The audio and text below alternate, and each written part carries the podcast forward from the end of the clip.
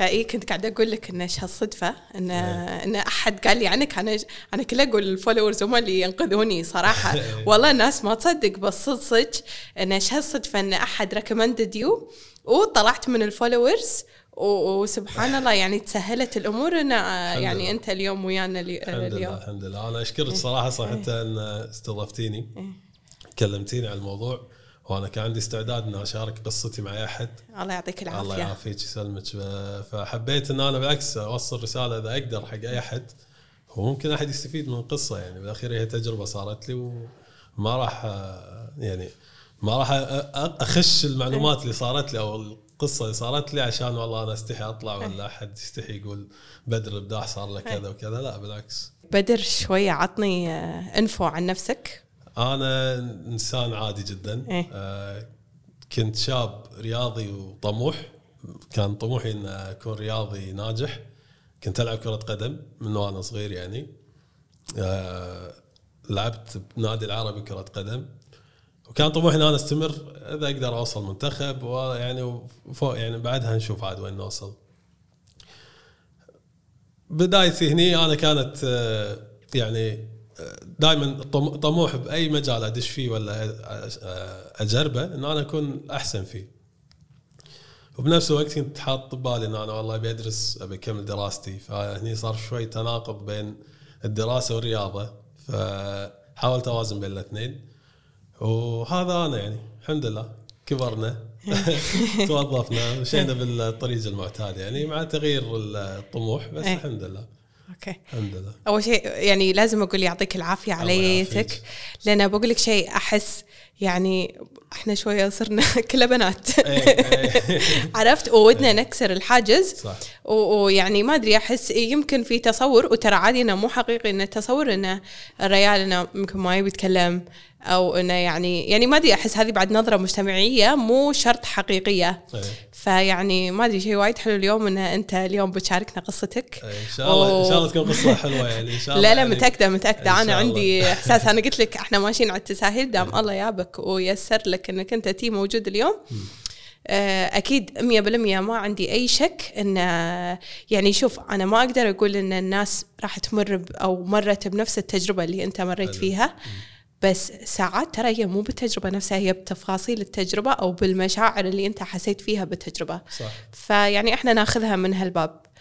فتوكل على الله. بالعكس يعني أنا يعني وقبل ما قلت لك حاب إن أنا أشارك قصتي. واذا أقدر أفيد أحد فيها بالعكس أنا يعني بابي مفتوح على قولتهم إن أنا أسولف بالموضوع وأشارك وأفيد. وهذا موقف بعد هم كذا موقف صار لي بهالموضوع. قصتي نفسها إن ناس كانت تسألني إنه والله إيش اللي صار معاك؟ نحتاج مساعدتك بالموضوع الفلاني دكاترة وكذا. فإن شاء الله يعني دام إن شاء الله البودكاست ماشي وناجح إن شاء الله فإن شاء الله توصل رسالة يعني.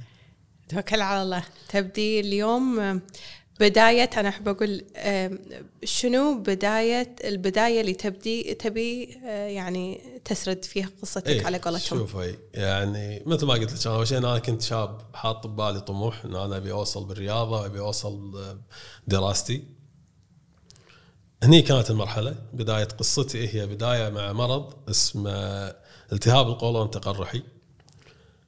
هذا المرض يعني يالي ب 2014 كنت شاب بالجامعة ألعب بالنادي كانت حياتي قدامي أشوفها يعني مستقبل مفتوح. وأنا نوعي من الطلبة اللي شطار يعني أيام الثانوية كنت دائما متفوقين وكذي. فكنت شايف إن موضوع الجامعة سهالات. فأنا ناوي إن أنا أخلص من الجامعة اكمل ماستر اكمل دكتوراه.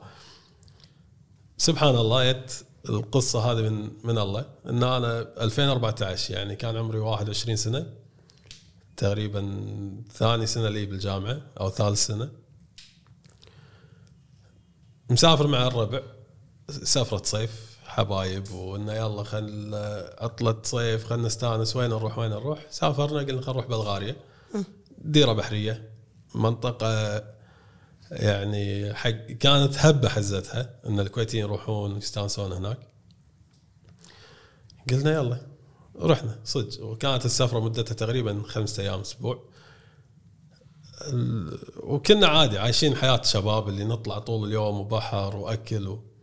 سبحان الله أنا ما أدري ليومك انه شنو السبب اللي اللي فتح علي الباب هذا؟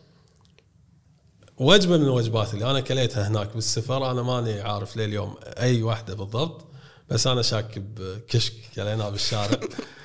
آه كليت وكملت يومي طبيعي. بالليل كنت أعرق حرارتي ارتفعت. آه كرم الله سامع قمت أروح أرجع. هذه الأعراض المعتادة اللي ممكن تحوش أي أحد من سواء تسمم أو نزلة معوية. فقلت okay دقيت على أمي بالكويت يما وضعي صار كيت كيت كيت فشنو الحل؟ بعد قلبي اي الامهات أنا اي دوك العلاج أي سؤال إيه. عند امي على طول أمي. هي صيدليتي كلنا-. كلنا. إي. الله يحفظها الله ويخليها لك يسلمك حبيبك فدقيت عليها ها يما أنا وضعي كيت كيت كيت شنو أسوي؟ أكل موز أكل كذا وخر عن كذا okay okay وسويت اللي قالته هالحكي كان ثالث يوم لي بالسفرة تقريبا باقي لي يومين وارد آخر يومين لا وضعي ما كان زين. يعني على الأكل قاعد أحاول اعدله مو قادر أتأقلم يعني أنا وضعي مو قاعد يصير زين. يعني مرت علي فترات اللي أنا أستمرض الله يحوشني نزلة معويه برد ولا ايا كان. خلال يومين أحس بالفرق يعني. لا هالمرة لا كان قاعد يصير وضعي اسوء أنا صار وضعي الحين لا أحتاج أرد الكويت بس أشوف أرد البيت أقعد أرتاح. ردينا الكويت يعني عقب يومين. كان اريح بالبيت. قعدت يوم يومين. لا وضعي قاعد يصير اسوء أخذ أدوية صيدلية كذا. ماكو فايدة. قعدت أسبوع طريح الفراش. يعني ما فيني طاقة ما فيني عافية. ماني قادر أسولف على راحتي. الأعراض قاعد تزيد علي. مر أسبوع وأنا على الوضع داخل البيت. خلاص أمي طبعا يعني شافت حالتي صارت سيئة خلاص خلينا نوديك مستشفى إن وضعك مو مو عادي يعني. ومو اللي نقدر نتعامل معه بالبيت يعني. رحنا المستشفى دشينا على الدكتور هذا وضعي. خلاص أنا ما أدري شنو فيك. إذا أنت قاعد تقول صار لك أسبوعين تقريبا الحين تعبان. آه ندخلك آه، المستشفى نومك نعطيك دربات منها مغذي وكذا. آه تالي آه نسوي لك منظار من باكر منظار معدة منظار قولون نشوف شنو قصة جسمك من داخل يعني. قلت له okay قعدنا نمت اليوم. طبعا هم هناك يعني ما أدري إذا تعرفين process المنظار يعطونك لتر آه، مشروب سائل عشان مثل يبين الصورة داخل أسهل. هذا سويناه حق ال CT scan بعدين رحنا اليوم اللي عقبه كان هو المنظار سوينا المنظار طبعا تخدير أنام وأقوم. كأنها عملية صغيرة يعني. فقعدت من ال- ال- المنظار يا للدكتور. ها ما شلونك الحين زين okay ولا مو أوكي؟ عادي كان وضعه يعني عادي يعني كنا فيني انفلونزا اي إحنا شفنا المنظار طلعت النتائج درينا شنو مشكلتك فيك أنت مرض مزمن. التهاب القولون تغرحي. شنو هذا التهاب القولون تغرحي يعني. يقول لي والله يعني هذا مرض مزمن عادي يحوشك بالقولون حالة حال أي مرض مزمن ثاني حالة حال السكر حالة حال الضغط التعايش معاه أمورك طيبة. تأخذ الأدوية الفلانية تلتزم فيها وأكلك وما أدري شنو بس أمورك طيبة يلا سامحك مع السلامة. بس. يعني الحين مو فاهم أنا الحين كانت الصورة دائما ببالي يعني إحنا بعمر الشباب يعني صعب يحوشنا أي مرض ولا الجسم يقاوم. شلون شي فجأة أعطيتني مرض مزمن اللي خليتني أنا الحين خلاص لازم أتعايش معاه. وأنا إيه. توني عمري 21 سنة. أعطيك الأدوية الفلانية. هذه هي وقت يعني مثل الإنسولين عند مريض السكر. انه والله ياخذ إنسولين الحين ياكل بعدها وكذا يعني أتأقلم معاهم وأعيش طبيعي. يعني. قلت له أوكي. هذا الحكي كان شهر 8 2014 أنا كنت للحين طالب بالجامعة خلص الصيف دشينا الكورس الأول عشت طبيعي. طبعا أنا هني هالأسبوع اللي أنا طحت فيه مريض بالبيت شو أقول لك؟ طحت يمكن 15 كيلو بأسبوع. هذه يعني داومت الجامعة مرة ثانية. حاولت أتأقلم مع حياتي الجديدة اللي هي صار وضع غريب الحين أنا مو فاهم. ما حاشني شعور إن أنا مريض للحين. قلت أوكي استمريت على الوضع. تقريبا خمسة أشهر ست أشهر. وبدر ما قاطعك بس حسيت بفرق من ناحية انه اي اللي قاعد تاكله واللي إيه كله كله كله طريقة تغير. الهضم عندي تغيرت. إيه. كل الدنيا صارت جديدة علي بس أنا الحين فاهم ان أنا الحين إن وضعي غير. حتى أكلي كان نفسه نفسه الطبيعي. وعادة يكون أكل كويتي اللي هو مكبوس ولا أكلنا العادي دسم دائما آه ومطاعم. إيه. أنا اهمها المشكلة انها مدمن مطاعم فصعب آه استمر الوقت كذي ستة أشهر. كانت ترد علي الأعراض مرة ثانية استحتني بالبيت طحت 15 كيلو ثانية من وزني راحت. يعني بسرعة يعني بطيء وأنا أمتن بس 15 كيلو طيح بأسبوع. سبحان الله. ونفس الأعراض اللي نفس مالت الأعراض اللي أول مرة. لما سافرت. نفس okay. الأعراض. okay. تكرمين الترجيع آه، دخلة الحمام تصير صعبة وكل الدنيا هذه حتى يعني صوتي يروح لا يعني حتى سبحان الله. تشوفين تحسين كذا الطاقة تمتص من من شدتها يعني يعني. مني اي مرة ثانية الدكتور تعبت أنا كان أروح المستشفى بس هالمرة غيرت الدكتور رحت حق دكتور ثاني إحنا already يعني اختصاصه هو هذا واستشاري ونعرفه الأهل يعرفونه وكذي رحنا له شنو القصة دكتور ليش تعبت مرة ثانية أنا؟ شلون اكلك شلون ما أدري شنو قلت له طبيعي يعني. بس على أساس كلام الدكتور الأولي إن إحنا إذا كلينا آه، يعني التزمنا بالحبوب اللي هو معطيني إياها فأنا المفروض وضعي زين. قال لي إي لا ما ينفع خلاص. آه، ندخلك مستشفى مرة ثانية نسوي لك منظار ونشوف شو السالفة. سوينا نتاكد من التشخيص الأولي. تأكدنا سويناهم. مثل ما هو طلع صح كلام الأولي. الحل إن الحين إحنا لازم نحط لك كورتيزون بالعلاج. وهذا نفس الشيء حط لي إياه أول مرة دشيت فيها المستشفى فإحنا نحط لك إياه الحين عشان على الأقل تستعيد طاقتك على ما تطلع من المستشفى ونشوف بعدين. okay okay.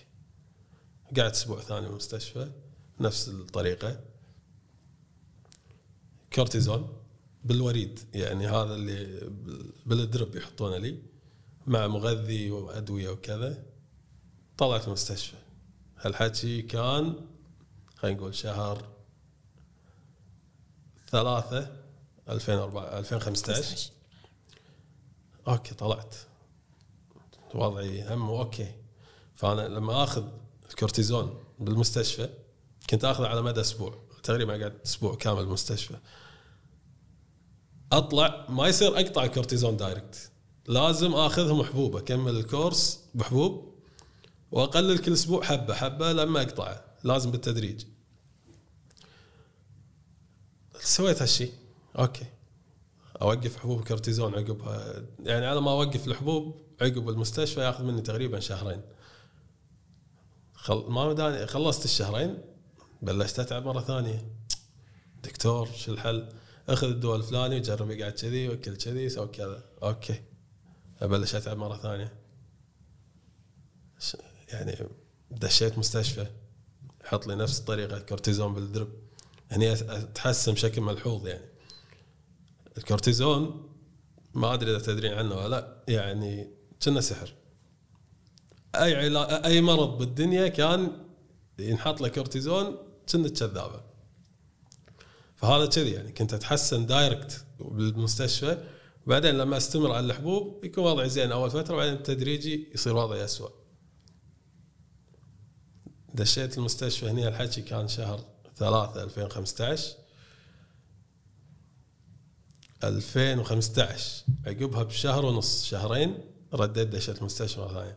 عقبها بشهرين ثا- ثانيين دشيت المستشفى مرة ثانية. كان الوضع كله قاعد يتكرر. ونفس العلاج. نفس ال... نفس ال... يعني نفس الدورة قاعد تنهار إيه، كلها تنعاد. آخذ أدوية يعطيني الدواء الفلاني أستمر عليه ما ينفع ارد اتعب وكذا زين ما حد استغرب ليش يعني كلنا قاعد نستغرب. كلنا ضايعين ما ادري إيش السالفة. قلنا أكل إيه. غيرت أكلي. قلنا بيبسي غيرنا قطعته مشروبات غازية بشكل عام يعني. قلنا حليب قطعت. أشياء هذه كلها أنا أحبها. كاكاو قطعت. أشياء كذي يعني الإنسان طبيعي متعود عليها. وقفت قلت إذا كان واحد فيهم هو السبب فأنا أكون عارف يعني. ما نفع أكلي صحي ماكو فايدة. يعني نفس الشيء. طبعا خلال الفترات هذه أنا كلها أنا أضطر إن أنا أوقف رياضتي. النادي أنا بالغصب أروح حزتها يعني خلاص آخر يعني آخر فترة لي بالنادي إنه يا أنت تصعد. فريق أول تروح تمثل النادي فريق الرسمي أو إنه يلا مع السلامة أشوفك نادي ثاني. فهني أنا خلاص استوعبت إن أنا ما راح أقدر أستمر. يعني اذا دشيت نادي لازم ألتزم وياهم تمرين معسكر مباريات وضغط مباريات وموسم كامل. مو شيء سهل. فأنا صحتي حاليا مو قادر. ما تسمح لك. مو قادر. اي فشلون تبي أركض مباراة و... بالضبط. فقلت خلاص. ودعت الرياضة. قلت خليها بيني وبين ربعي وخلاص حق وناس صعبة كانت؟ صعبة. صعبة حيل لأن أنا يعني الروتين هذا والاحتكاك وال شعور الفريق يعني الروتين هذا كان يعني وايد متعب بالنسبة لي. صدق إنه صعب ويتعب بس كان متعه تركت النادي قلت خلاص خيرة. أنا نوعي من الناس اللي إذا صار لي شيء ما ودي فيه أقول خيرة. هديت قلت خلاص أنا جاب صحتي الحين جاب دراستي أتخرج من الجامعة تالي يصير خير. كملت على نفس الوضع 2015 كلها. وشوية سنة كاملة. إيه. وأنت ما عندك كل شهرين تقريبا قاعد أطيح. أي. أنا ما قلت أطيح غشيان أفقد الوعي لا الحمد لله. بس أتعب اللي أطيح 15 كيلو بأسبوع ما أقدر آكل. لو تحطي لي مثلا نفس القهوة هذه الحين قدامي أشم ريحتها أحس إن أنا تكرمين أبي أرجع. متعب الموضوع كان. امي تغصبني اكل الأكلة الفلانية زين جرب هذا حط لقمة بحلجي واقول خلاص ما أقدر 2015 كلها كذي. دشينا 16 نفس الشيء. هذه السنة اللي أنا خلاص قربت على التخرج. وشلون قدرت تعيش بين الجامعة و... هني جت هذا صدق يعني كان من أصعب البارتس اللي قصتي لأن شلون أقنع دكاترتي إن أنا مريض؟ أوف. فيني هالمرض اللي أنت ما تعرفه إيه. أه وأحتاجك تقدر وض- يعني وضعي. أنا في كلاسات وايد ما أقدر أحضرها. في امتحانات أصلا طافتني. وعندي معدل لازم أحافظ عليه. أنا لازم إذا بتخرج من الجامعة على الأقل 2.6 وأنا قلت لك أنا already إنسان شاطر بالدراسة فنوعي داش كان معدلي عالي. drop drop drop drop ل 2.6 تقريبا يعني. وصلت اللي على يعني حده حده فأنا كل مرة قاعد أتعب أغيب عن course أداوم نص ال course أغيب كم class أحاول كثر ما أقدر ان اكون موجود. شكلي تغير حتى شكلي يصير يخرع يعني. حتى أنت كدكتور المفروض تلاحظ إن أنا وضعي مو طبيعي.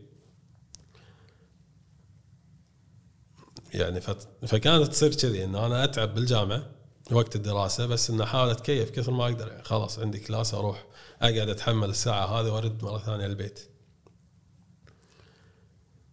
في موقف يعني صار لي هني بعز امتحاناتي بالجامعة بنص اللوية هذه. 2015 واحدة من المرات اللي دشيت فيها بالمستشفى. وهذا البارت يعني مو قايله حق أحد أنا كلش من حتى أمي ما تدري عنه ولا الدكاترة اللي أنا كنت أراجع عندهم.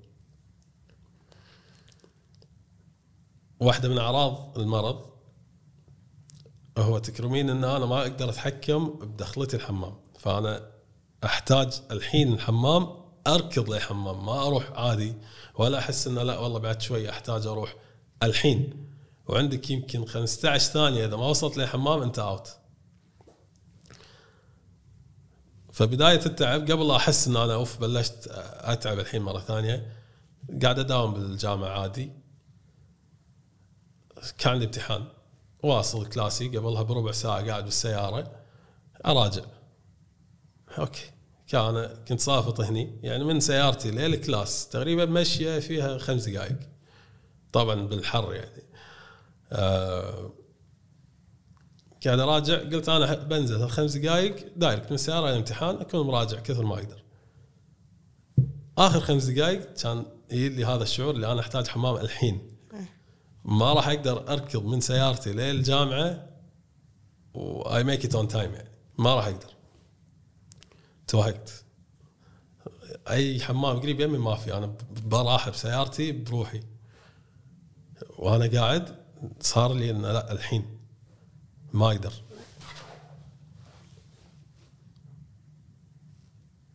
شو أسوي؟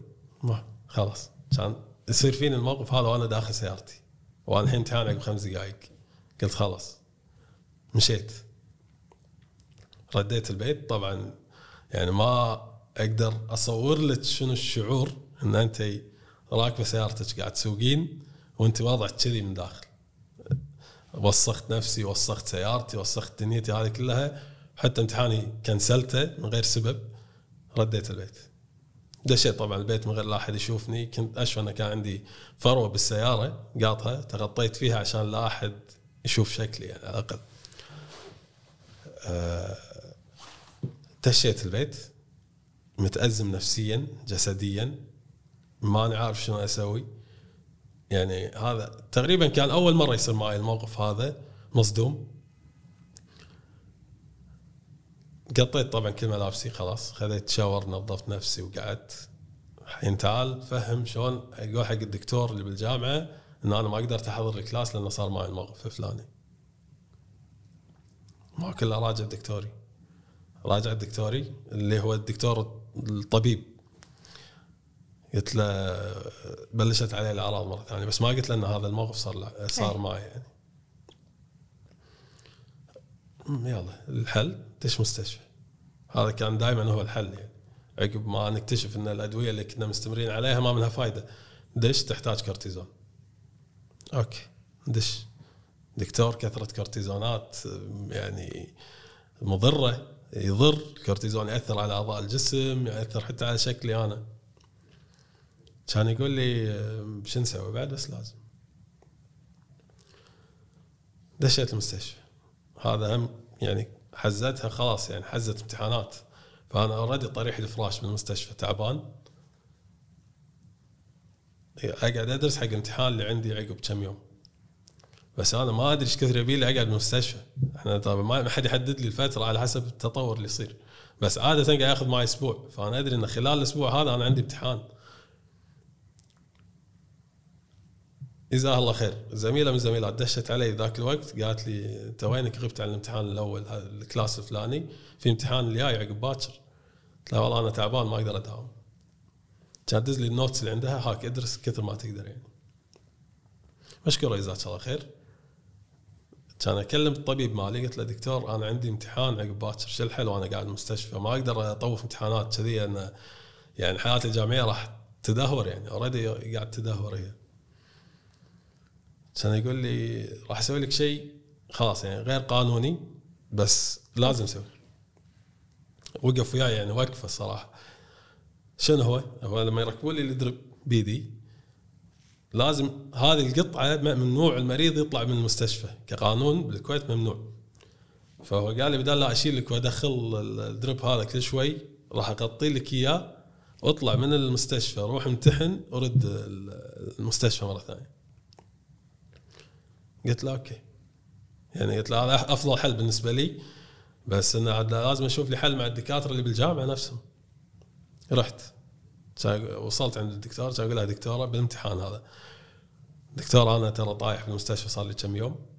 أنا أحتاج ان أنا أجل هالامتحان لأن أنا مو مستعد لأن أنا درست بالمستشفى بس يعني دراسه مريض يعني شو راح تكون؟ كانت تقول لي لا تبي الامتحان تمتحن الحين ما تبي؟ شوفك class ثاني يعني أشوف لك صرفة ثانية يعني. زين؟ والدكاترة لو يكتبون تقرير أو شيء آه، يعني من المستشفى. إيه هم دكاترة الجامعة يحتاجون أدلة عاد يعني يبوني أروح أجيب تصديق من وزارة الصحة وقصة فإلا خالص ال course كله على ما اخلص الإجراءات هذه. فأنا اوريدي جايك مريض لا في ايدي فهي يمكن حسبالها أصلا حتى طقة عادية مو مو إن أنا مغطي درب. ولا أقدر أنا أبطله لها لأن قانونيا ممنوع فأنا أخاف بعد أحد يقول شيء. فدكتور اجلي الامتحان؟ لا. تبي الحين؟ حياك قاعد امتحن ما تبي؟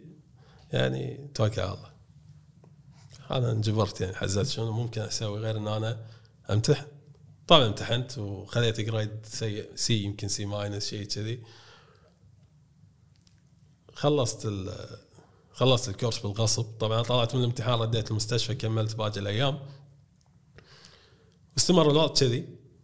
خلال الفترة الجامعية هذه كلها تقريبا كل شهرين شهرين شوي أتعب أطيح مرة ثانية أدش المستشفى. توتل المرات اللي دشيت فيها المستشفى 2014 15 و16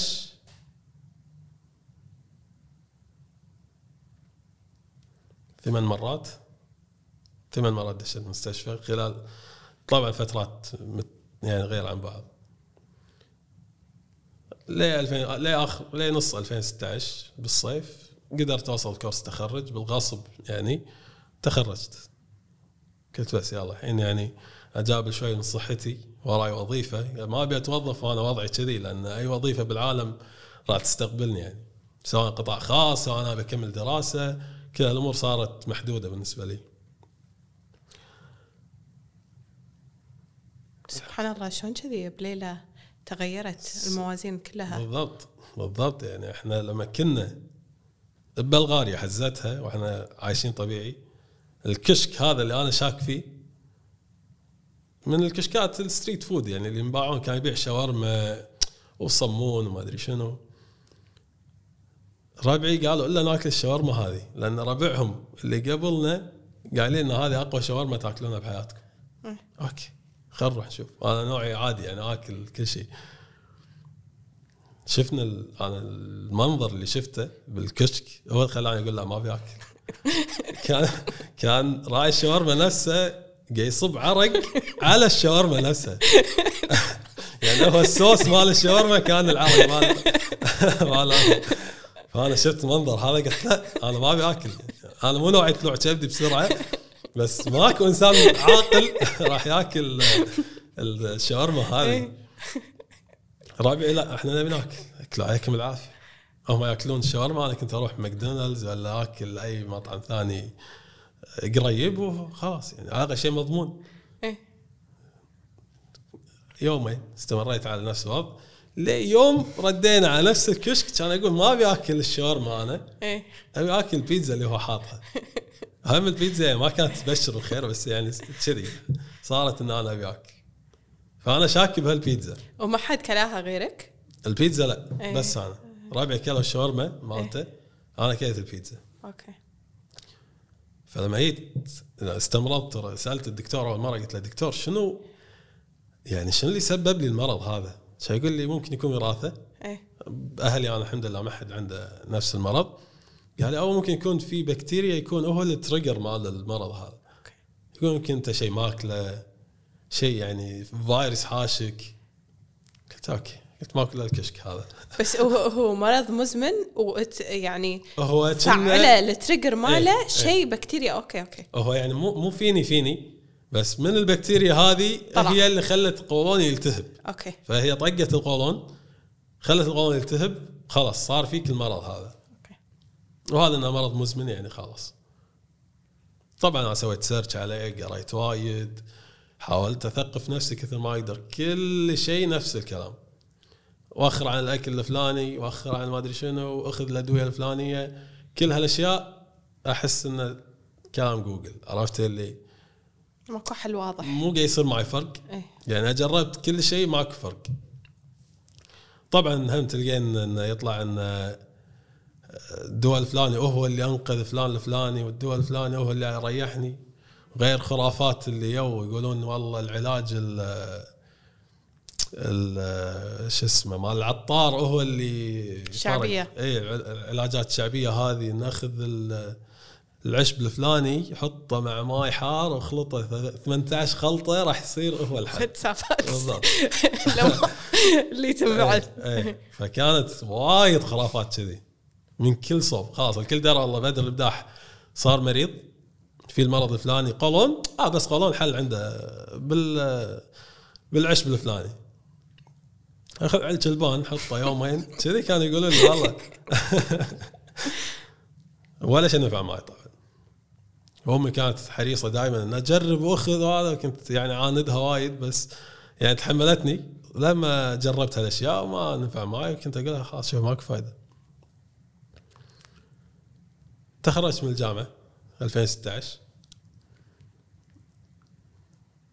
هني حزتها أنا يعني قبلها بكم شهر كنت already يعني تعبان ومريض وخذيت الكورتيزون جرعتي من الكورتيزون هي اللي تصحصحني. ففيني صحه للحين الحمد لله. يعني تقريبا ضامن شهرين قدام إن أنا ما راح أتعب.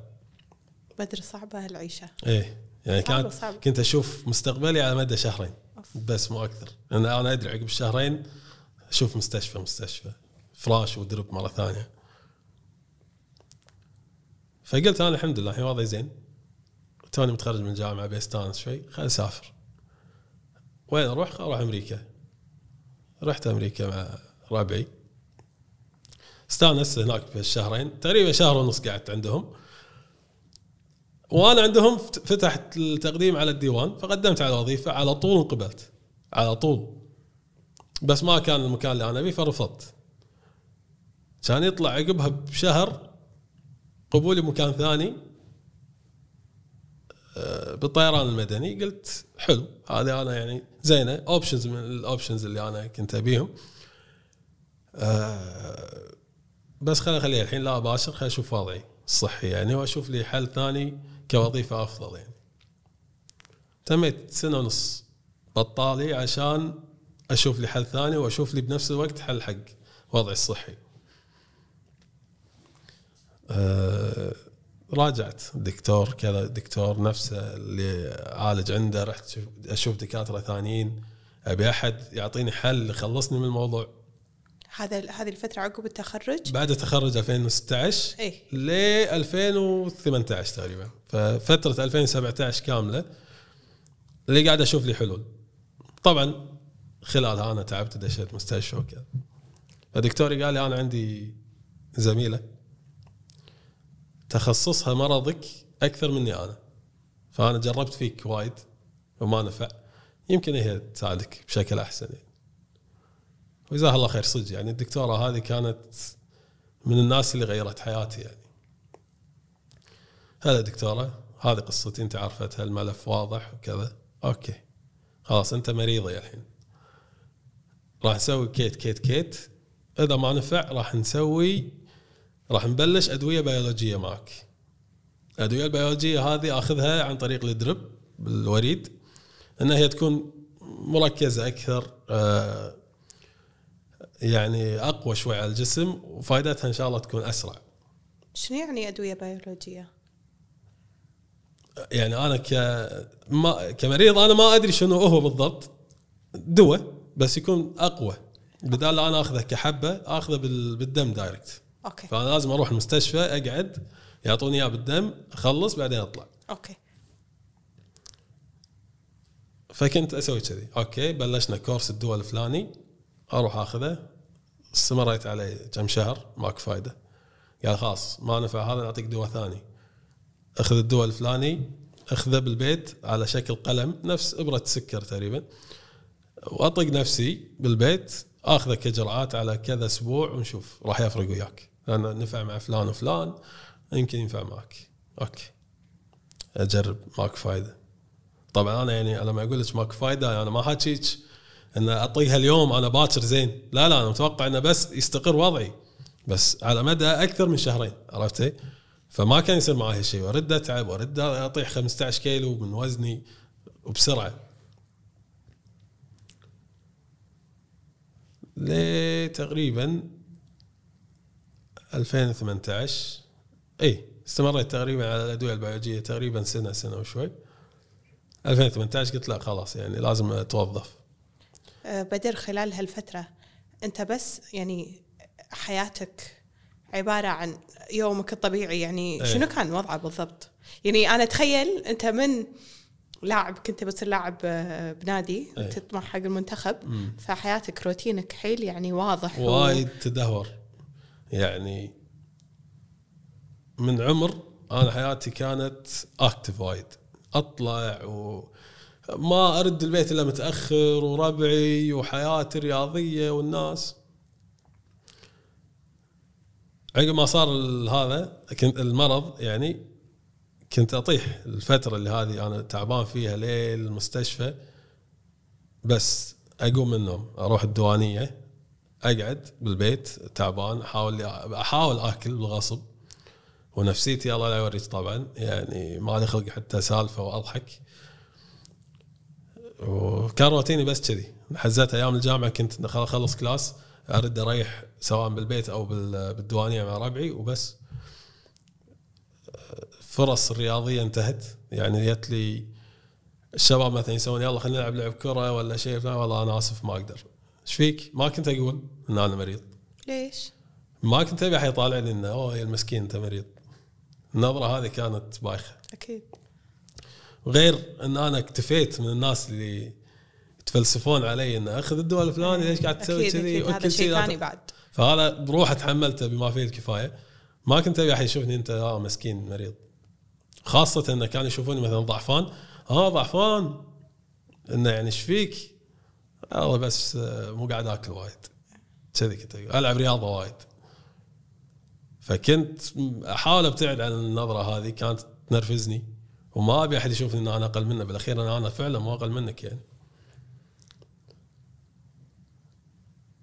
آه، فصار إنه كذي يعني. أضطر إن أنا أعتذر اللعب فلاني والله ما أقدر. مناسبة اجتماعية والله أعذرني أنا اليوم ما أقدر أجي ناس تزعل ناس تتضايق ناس يحسبوا لهم أنا يعني كني أتحاشاهم ولا أنا والله مالي خلق ولا ما أبي. حتى بعزة من عزايات عمي الله يرحمه الله يرحمه. يعني أعلنت إن عمي توفى طبيعي. ناس وايد يو عزوني وكذي قالوا لي أنت وينك؟ إحنا رحنا المقبرة مو موجود أنت. والله يعني أنا أعتذر منكم بس أنا صدق تعبان وما أقدر أروح. فالناس كانت تستغرب ان شو التصرفات يعني اللي أنت قاعد تسويها انت ليش؟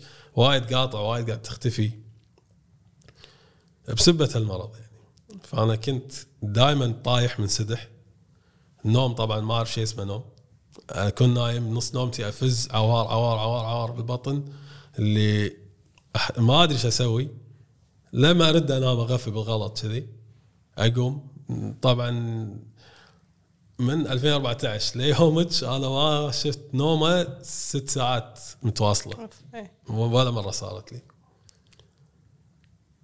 وكانت تصير فيني إن أنا حتى بنص النوم أفز أقعد كذي قاعدة كني متربع بس أمسك بطني. مو فاهم الشعور تعرفين اللي أنت نص نايمه ونص قاعدة اللي بس ألم. ألم هذا ولا أنا قاعد أحلم ولا هذا صدق ولا إيش قاعد يصير؟ فاستمر الوضع كذي يعني. خلال الفترة هذه كلها روتيني تغير صار نوعا ما باهت ما له طعم. اللي بس صرت كافي ان أحيانا قاعد مع أهلي ومع ربعي وبس خلاص يعني. ما ما أقدر أسوي شيء ثاني. أقعد دوانية أكثر يوم كان يعني يكون دوانية. أقعد مع الشباب الشباب هم يعني آه يعني كانوا هم اللي صدق مقدرين وضعي. هم يشوفون بعينهم إيش قاعد يصير معي خلاص انت يعني ما فيك طلع ما تقدر تسوي شيء فلان إحنا قاعدين معك وكانوا يدرون بالوضع. هم كانوا يدرون. دائرتي القريبه اللي هي دوانيتي القريبة كانوا عارفين شو الوضع. وخاصة انه كان منهم اللي مسافرين معي أول مرة. أوكي. وكنا كله اطفر رفيجه أقول له لو مو أنت كان ما صار فيني المرض هذا. حرام. كله قطع براسه وكان يتضايق. يا أما ضميره بس هو يعني ما له شغل أكيد. فكانوا شايفين وعارفين. ووقت اللي أنا أطيح فيها بالمستشفى قاعد أسبوع ما كانوا يخلوني ينامون عندي بالمستشفى. أي شيء تبي يبون موجودين قاعدين. صارت الديوانية عندي داخل المستشفى. حتى يعني سوينا شوية إزعاج بالمستشفى كذا مرة. بس أنا كان العافية. أي والله يعني. هذه كانت وقفة يعني أكثر من مرة فما أنساها لهم يعني. الله يخليهم لك. آمين الله يسلمك. ف خلاص صار عارفين وضعي وما كنت أحب أخلي قصتي أو اللي قاعد يصير معي بذاك الوقت يطلع برا الدائرة هذه. خلاص أنتم ربعي أنتم يعني ساترين علي غ... يعني ستر وغطاء على قولتهم على الموضوع هذا أه، خلاص. وأحس طبيعي مو لازم إنه ينعلن حق العالم كله. بالضبط لأن أنا ما أحب قلت لك هذه النظرة. هم اللي مفاهمين هم ومقدرين فاهمين وواقفين معاك واقفين يعني. معاي خلاص يعني كان كافي بالنسبة لي. عدت قلت لك الفترة هذه اللي أنا كنت قاعد أحاول أدوية بيولوجية. مع إنه كان متعب الموضوع إنه لازم أقوم أروح المستشفى أقعد تقريبا ساعة ونص بس تحت الدرب هذا آخذ الدواء. وادعي الله إنه يعني ينفع. غير الفحوصات الدورية اللي كنا نسويها آه، كل هذه الأمور يعني أتمنى إنه يعني أشوف نتيجة بس ما كنت أشوف. والادويه ال- هذا الدواء البيولوجي إيش كثر تاخذه؟ على كورسات إيه. يعني كنت آخذه على تقريبا ستة أشهر ستة أشهر كذي. بس مع الفحوصات الدكتور كان يشوف إنه لا والله الدواء الفلاني هذا مو جايب نتيجة معك. هو يبي يشوف رقم معين يرتفع مو جاي يرتفع فما منه فايدة. فنوقف نجرب غيره. شي كان يصير معي. ل 2000 وقلت لك 18 أنا توظفت. بالطيران المدني اللي أنا اوريدي كان طالع قبولي فيه. قعدت شهر. كان يطلع قبولي كون ال- وكالة الأنباء اللي أنا مقدم عليها بالصدفة وقبلت كان قدم استقالتي من مكاني الأولي كان أروح حق مكاني الثاني.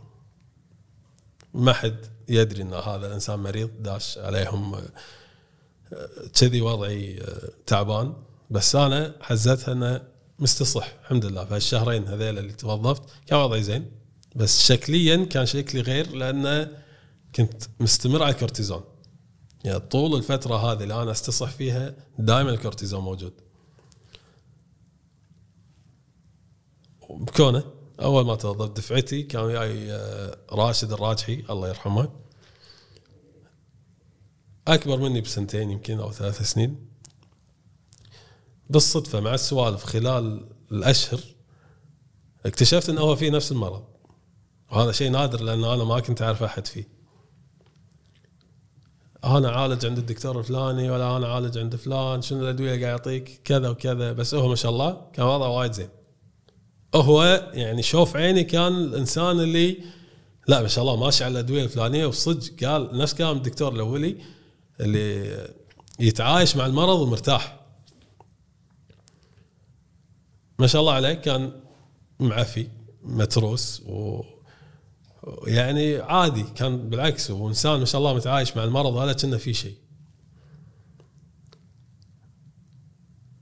بس أوكي يعني أنا وياك آه، لقينا نقطة تلاقي هذه اللي خلتنا أقرب إن إحنا صرنا يعني نعرف بعض من هذا الجانب. أغلب اللي كانوا وياي بالدوام ما حد يدري إلا هو. اننا في تجربة فينا مشتركة. إن فينا المرض هذا. إي واثنين عارفين شنو الصعوبات. تكاسة. حاشتني أثناء الدوام فأغيب أغط. وإحنا لأن دوامنا شفتات فمو دائما نشوف بعض. مثلا يكون فترة صبح وأنا فترة ليل فما نتلاقى فعادي. أي واحد يغيب فترة طويلة ما نلاحظ غياب بعض. فأنا كنت أغيب ساعات تعبان أدش المستشفى أخذ الأدوية. قاعدة من القعدات مع دكتوري. دكتور خلاص متى أنا تعبت؟ صار لي الحين كم سنة؟ من 2014 ل 2018 تعبت. شنو في حلول غير الأدوية اللي قاعد نجربها؟ قال لي في الدواء الفلاني والدواء الفلاني انطر. في دواء الحين جديد بيعلنون عنه راح ينزل يقولون هذا السحر. أوكي بس يعني قاعد أنت قاعد تشوفني. اي صاج ما صاج. آخر حل عندك هو العملية. قلت له خلاص خلينا نسويها إيش رأيك؟ شنو العملية أصلا ما أدري بس خلينا نسويها بحل سريع بفتك لا خلى آخر حل ليش؟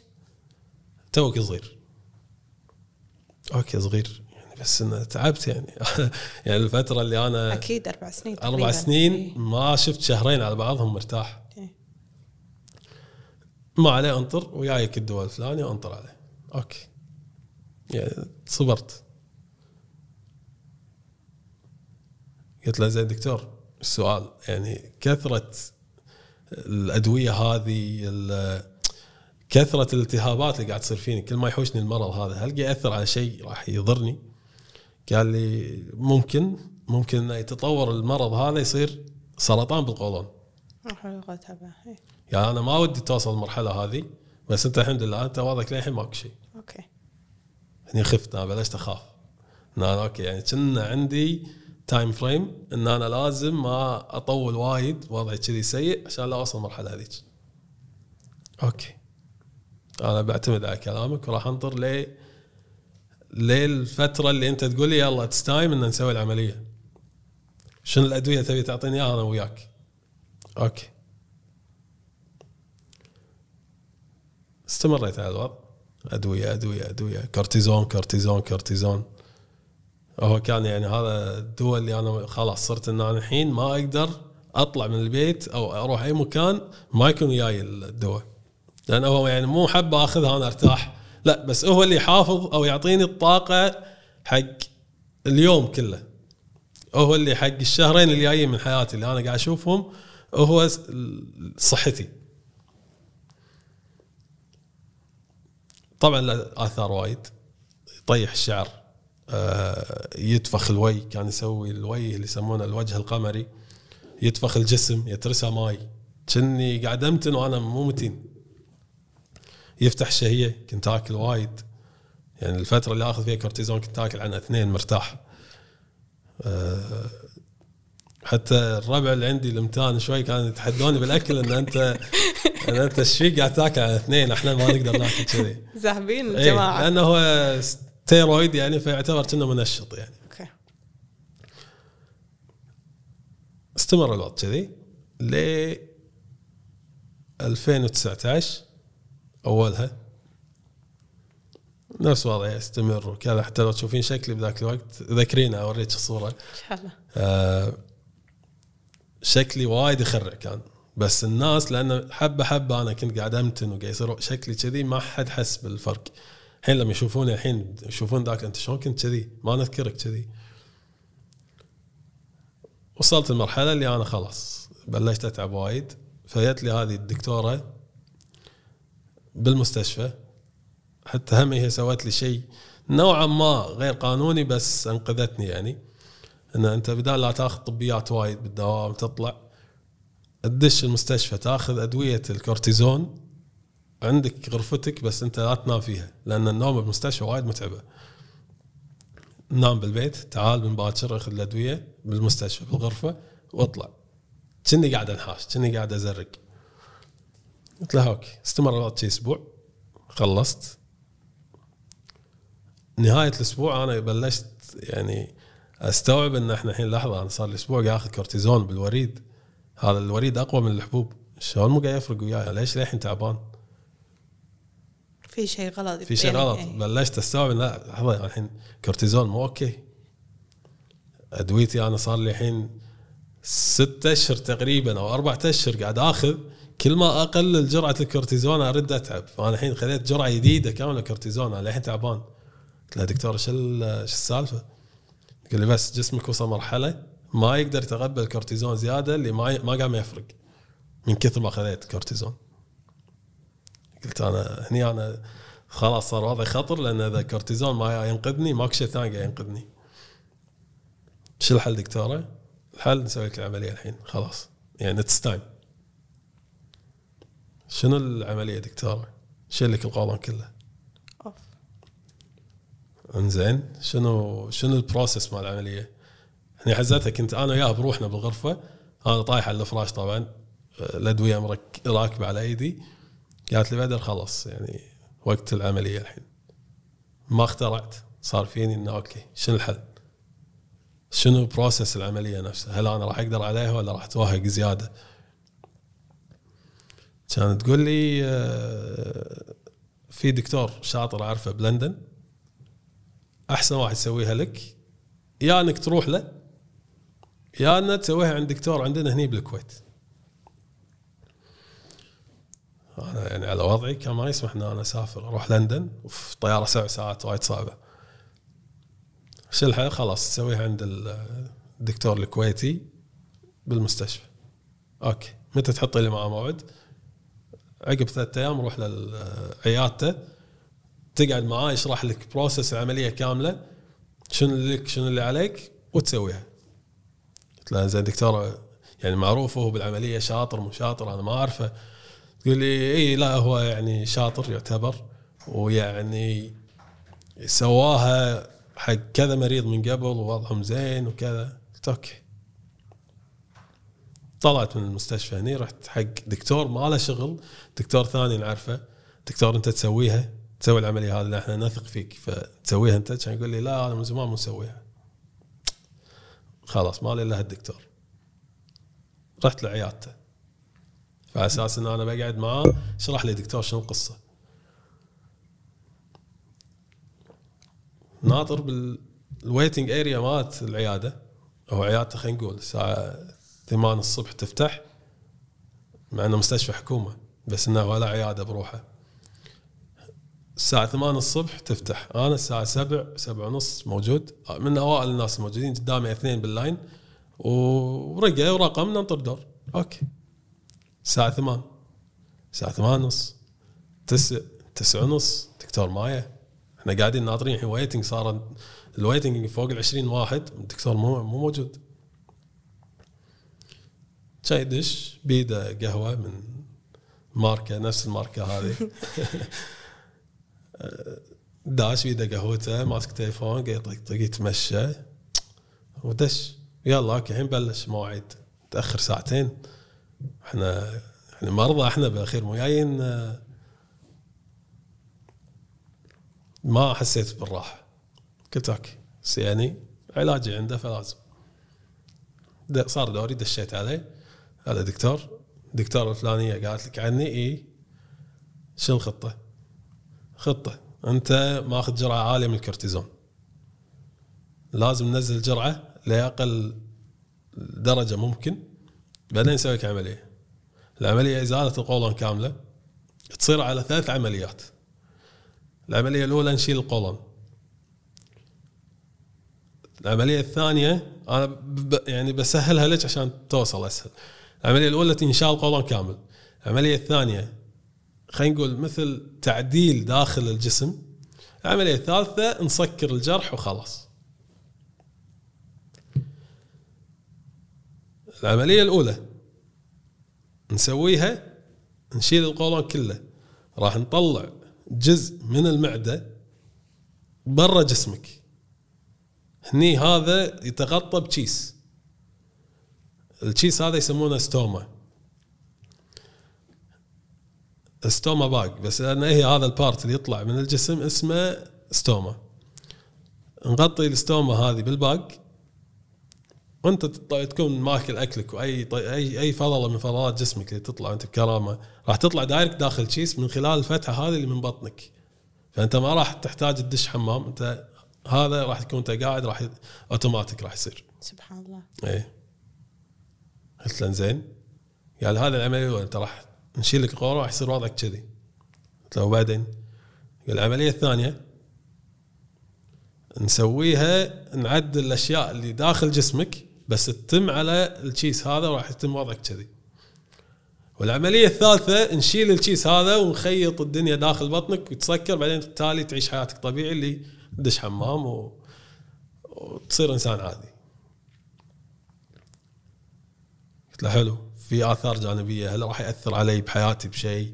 الدكتور الأولي لما قال لي أنا صغير شنو الفرق؟ لا سهالة ما عليك. أعطاني إياها بطريقة وايد سهلة. اللي خلاني هم أرتاح زيادة. خلاص okay دكتور أنا يعني بتوكل على الله. مالي إلا أنت. يلا متى؟ ارت... sorry ارتحت ولا ما ارتحت؟ ما كنت مرتاح. اي اي كلش يعني. من أول شيء التاخير والشعور اللي هو داش كنا careless إي. والطريقة اللي تكلم فيها عن العملية ما أقول لك مو فاهم بس مو مريحة. يعني يلا بسرعة بسرعة. كنا بسرعة بسرعة كنا خل اراجع شلون سويتها آخر مرة ارد أسوي لك إياها مرة ثانية. أوف. إحساس كذي حاشني مع إنه طبعا ما قال. إيه عرفت عرفت قصدك. توترت شوي قلت بس ما ما ردي لا يعني وأنا ما فيني أسافر برا. متى ندش المستشفى نسويها دكتور؟ كان يقول لي دش يوم الأربعاء مثلا الجاي. أه تقعد عندي أسبوع داخل الغرفة هذه. نطيح الكورتيزون اللي بجسمك نقلله لمدة أسبوع تالي نسوي لك عملية. فأنا راح أقعد أسبوع كامل بالمستشفى بس أنطر. تالي نسوي العملية الأولى. okay. صار يوم الأربعاء اللي أنا ناطره هذا يوم العملية. وأنا بالبيت شايل أغراضي. مرني رفيجي اللي هو واحد من ربعي القراب طبعا. إنه عادة أطلب من ربعي القراب إن أنت ودني وصلني كذي أحسن لي ان أنا أسوق يعني أنا وضعي صعب. فأنت قطني المستشفى وعلى ما أسوي check in للغرفة وأقعد تعالي توكل على الله. فقال لي بس okay أنا عندك. ومرني. شايل جنطتي جنطة ملابس طبعا حق أسبوع قدام أنا قاعد بالمستشفى فمطول. يلا يمه توصي على شيء مع السلامة أنا رايح المستشفى. من وياك؟ عبد الله اي عبد الله بس يعني تدري أمي أنا إيد يعني أمينة يعني. okay. خلاص بلغني إيش يصير معك أول بأول. أوكي. وعلى إنك يعني طبعا عندهم خبر إنك راح تسوي هذه العملية الأولى. اي اي خلاص يعني. إيه. حزتها كل أهلي يدرون إن أنا خلاص وصلت مرحلة إن أنا لازم أسوي العملية وهذه خطتي. راح أسويها عند الدكتور بالمستشفى ال- هني بالكويت. بدر شنو كنت قاعد تفكر فيه وهو يقول لك إنه راح أسوي لك هذا وراح أشيل لك التشيز وراح أحط لك و... أي شيء بس مو مرتاح. خلاص أنا أبي أرد طبيعي. أنا تعبت. الكورتيزون اللي أنا كنت مستأنس عليه تعبني. يمشي. تعبني. خلاص قام يأثر علي شكليا تغيرت شعري قام يطيح. آه، أحس جسمي ثقيل. مفاصلي قامت تأذيني. يعني بالفترات اللي أنا كنت استصح فيها ألعب كرة شوي أحاول أرد ألعب كرة بالغصب أتحرك داخل الملعب أحس نفسي كني شايل وزن 20 كيلو زيادة. أوف. إيه. فصار يوم العملية الحين يوم الدخلة مالت المستشفى. مرني عبد الله رحنا المستشفى. السلام عليكم هذا الحين reception مال المستشفى طبعا مستشفى حكومي. هذا ال reception السلام عليكم أنا بدر البداح عمليتي مع الدكتور الفلاني. أبي آه يعني أبي أسوي check in عشان ندش الغرفة وتبلش القصة. إي لحظة شوي انطر شوي. أنا حزتها ما أبالغ حنان. ما أقدر أوقف دقيقة كاملة سيده ما أقدر. من التعب اللي فيني كنت اتسند على الطاوله كذي أكلمه أقول له إي آه، شوف اسمي أقعد كذي. لأن أنا خلاص يعني.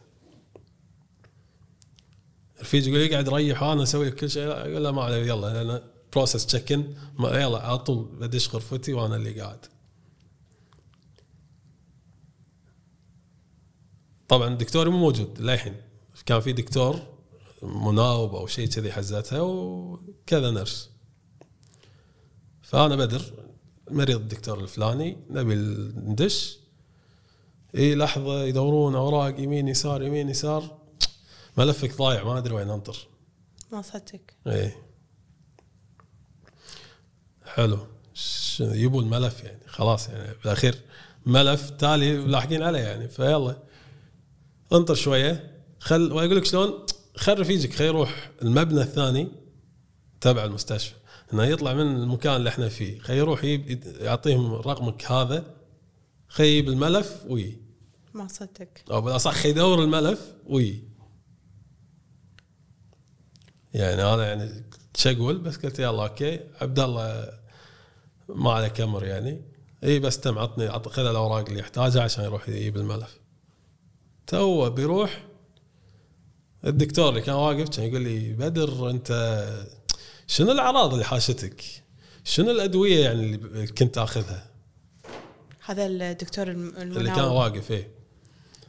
كان أقول له ت- يعني تحس إنه وقت الحين أنا أسولف معاك بالموضوع نبلش من الصفر. أنت رجعتني من 2019 ل 2014 تبيني أقول لك شنو الأدوية خذيتها وأقول قصتي من الصفر والملف فيه كل شيء. رديت عليه بهالرد نوعا ما كان رد وقح شوي. بس لأنه على وضعي الصحي ما يعني المفروض أنت تقدر ما تسألني سؤال كذي. اي لا صح صح خلاص ما عليك. ما عجبه ردي طبعا بس خذاها بحساسية شوي. قلت له دخلني غرفة؟ وراح أقول لك كل اللي تبي بس دخلني. يعني أنت قاعد تشوفني أنا طايح على طاولتك الحين. دخلني آه، دخلني آه، غرفة وقعدني على فراش بعدين سولف. اي يلا يلا جهزوا له وين الغرفة الفلانية وهذا. دكتور ما في غرفة فاضية فبنحطه بالعمومي. إيش عموميه أنا عندي عملية. ما أقدر أقعد عمومي حالتي ما تسمح. أنا راح أحتاج حمام بأي لحظة راح أركض. ما أقدر أنطر إذا واحد داخل الحمام معي مشاركني بالحمام ولا لا. وضعي ما يسمح. والله هذا الموجود الحين. إذا فضت غرفة ندق عليك. يعني على وضعي وعلى كل اللي قاعد يصير قلت له أنت مصدقك؟ إيه،. أنا مو داش فندق أنا داش مستشفى. إيه. يعني المفروض أنا اسمي مسجل. بالضبط. إن المريض الفلاني اليوم الفلاني غرفته هذه خلاص عمليته التاريخ الفلاني. فقال لي كذي قلت لا عبد الله تعال امشي خلينا نشيل أغراضنا نمشي. ما أقدر. أنا الحين أنا اوريدي بالغصب واقف. ومضيعين ملفي. وبيشوف لي غرفة بالعمومي ما في غرفة أصلا خاصة حقي ما قدرت. كان أقول له امشي. هني يحاولون يتصلون على الدكتور اللي بيسوي لي العملية. ما يرد لأنه عنده عملية ثانية. حاولت أتصل على دكتورتي اللي حولتني على هذا. ما ترد لأن عندها اجتماع. فقلت له خلاص ردني البيت. ركبنا السيارة ردينا البيت. طبعا متأزم نفسيا وجسديا. دشيت البيت مرة كان أمي تنصدم أنت إيش جايبك؟ كان أقول لها القصة اللي صارت كيت كيت. طبعا أنا من الباب للفراش على طول طايح. امي قعدت على راسي إنه ها إيش صار؟ قلت لها صار كيت كيت كيت. شلون؟ قلت لها والله هذا الوضع. ويه يلا شوي. هي قاعدة على راسي أنا بس مغمض وقاعد. كان دق علي الدكتورة هلا بدر هلا هلا. أنت صدق قاعد حق الدكتور إن أنت تدخلني غرفة وكيت كيت كيت كذي قايل له؟ قلت له إيه؟ قلت لي الحين هذا الدكتور اللي أنت قلت له كذي كلم الدكتور اللي بيسوي لك العملية وقال له الموقف اللي صار هذا فهذاك زعل الحين ما يبي يسوي لك العملية. مو وقته. مو وقته مو وقته. ما هذه أصلا ما تنقال. ما يصير. بالأخير أنت مو بكيفك تسوي العملية أنت هذا وظيفتك وهذا قسم أنت اقسمت عليه. وأنا محتاج أنا محتاج. وأنا محتاج وأنا جايك بالغصب واقف. يعني أنا مو جايك والله ممزج و لا أنت ليش مو حاطني بالغرفة الفلانية؟ لا أنا حاجتي هذه. يعني هذا شيء ضروري. فالدكتور الفلاني الحين زعل ما يبي يسوي لك عمليه ما يبي يسوي لك العملية. أنا هني الدنيا صكت فيني خلاص. أمي واقفة على راسي قاعد تسمع صوت الدكتورة بالتليفون. يعني أمي أمي ينت. حبيبتي. معلومها إيه يعني شافتني أنا متقطع طايح قدامها وهذا الدكتور يقول كذي. أنا سكت. حاشني شي فلاش اللي يعني شنو أرد على الدكتورة؟ شنو أقدر أقول يعني رد مناسب هالوقت؟ اللي أنا ما كان بمخي إلا كلمة واحدة إن أنا أسب أخرب الدنيا كلها أطلع الحر اللي فيني. كان أمسك نفسي. قلت أمي يمي دكتورتي هذه و... بيدها الموضوع كله يعني. فأنا ما يصير اتصرف تصرف كذي يعني عاطفي بعدين أتحسف. كان أمسك نفسي. قلت له دكتور خلي هذاك دكتور. شنو الحل؟ شنو أسوي الحين؟ قال لي مالك إلا لندن. لندن. هني بلشت تشتغل فكرة لندن. خلاص okay دكتور خلينا نشوف شو أسوي وأبلغك. okay okay. مع السلامة. سكيت خلاص أنا هني يعني شفت إنه ما لي علاج. يعني ممكن بأي لحظة يزيد فيني الموضوع أي والله يستر عاد أنا إيش راح يصير فيني؟ سرطان بالقولون راح أموت من المرض هذا ما أدري، ماني عارف. خلاص أروح حق الدكتور اللي سوى سوى العملية هذه آخر مرة من قبل 15 سنة حق مريض. رحت له. وهذا هم دكتور يعني موثوق من العائلة. دكتور صار معي موقف كيت كيت كيت. انت ما تقدر تسوي العملية هذه. وهو يعني دكتور كبير بالعمر الله يعطيه العافية. old school فالعملية هذه قال لي معقدة وأنا يعني من زمان فوق 15 سنة مسويها فوايد صعب. قلت له شو الحل؟ دكتورتي الفلانية قالت لي أروح المستشفى الفلاني بلندن شلونه؟ يقول لي؟ هذه مكة العملية هذه. قلت له بس يعطيك العافية أنا هذه الكلمة اللي أحتاج أسمعها. سبحان الله لعل خير أن هذاك الموقف صار بالضبط وياه. 100% إيه. أنا من سمعت كلمة مكه العملية هذه.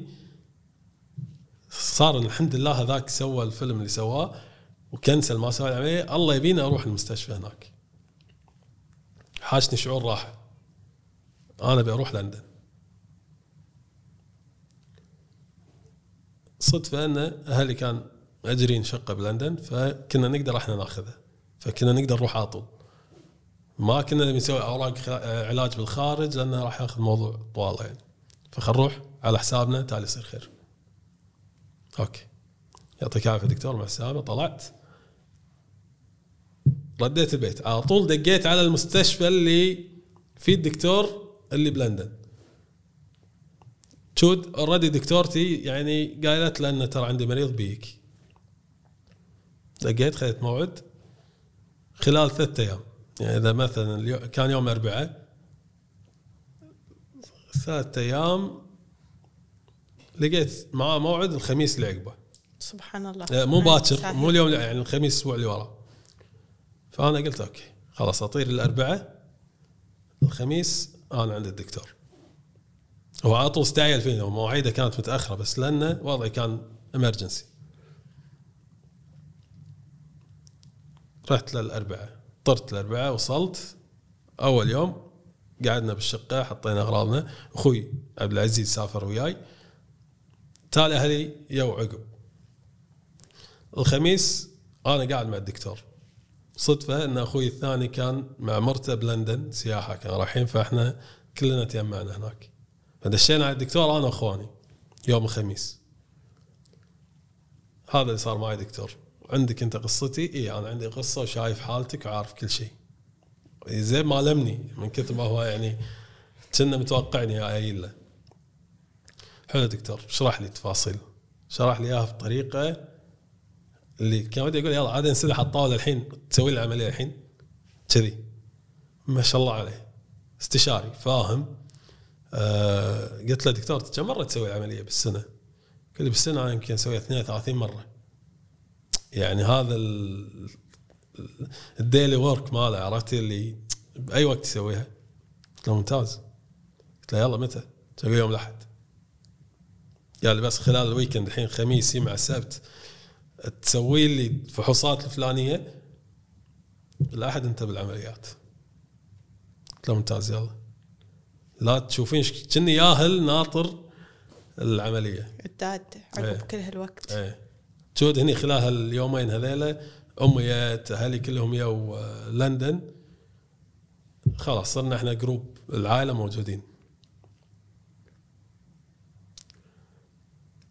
شوي كانت متعبة اليومين لأن أنا still مريض. الأدوية ما قاعد تلحق وياي فعانيت في اليومين صار يوم الأحد الساعة 6 الصبح أحتاجك بالعمليات. okay. طبعا السبت اللي قبله. عندهم team كامل. الدكتور الجراح اللي هو بيسوي لي العملية عنده nurse بس حق موضوع التشيس اللي راح يركب لي. عنده nurse بس حق الدربات والأدوية اللي ترك كذي موزعين. كل بالمهام. كي كل واحدة فيهم لابسة لبس غير عن الثانية. تدرين بالشكل هذه ما شنو. طيب team التفاصيل. team فريق كامل. وإحنا كانوا يقولوا لي انت ملفك ضايع روح شوف لك الله كريم خلها على الله. إي والله. okay.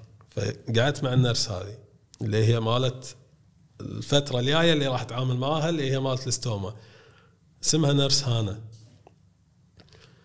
شفت لما يقول لك يكون إنسان على هيئة ملاك؟ هي. ما أعرفها ما تعرفني. دزني عليها الدكتور إن هذه ال nurse مالتي راح تشرح لك القصة. شنو راح تسوي شنو الإجراءات شنو كل شيء. okay. ما خفت؟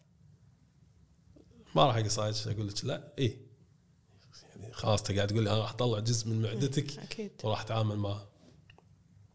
وراح اشيل قولون فيعني هم هذا عضو كامل من جسمي راح ينشال وأنا ما أدري شنو العقوبات اللي عقب أو العقبات اللي راح تجي لي.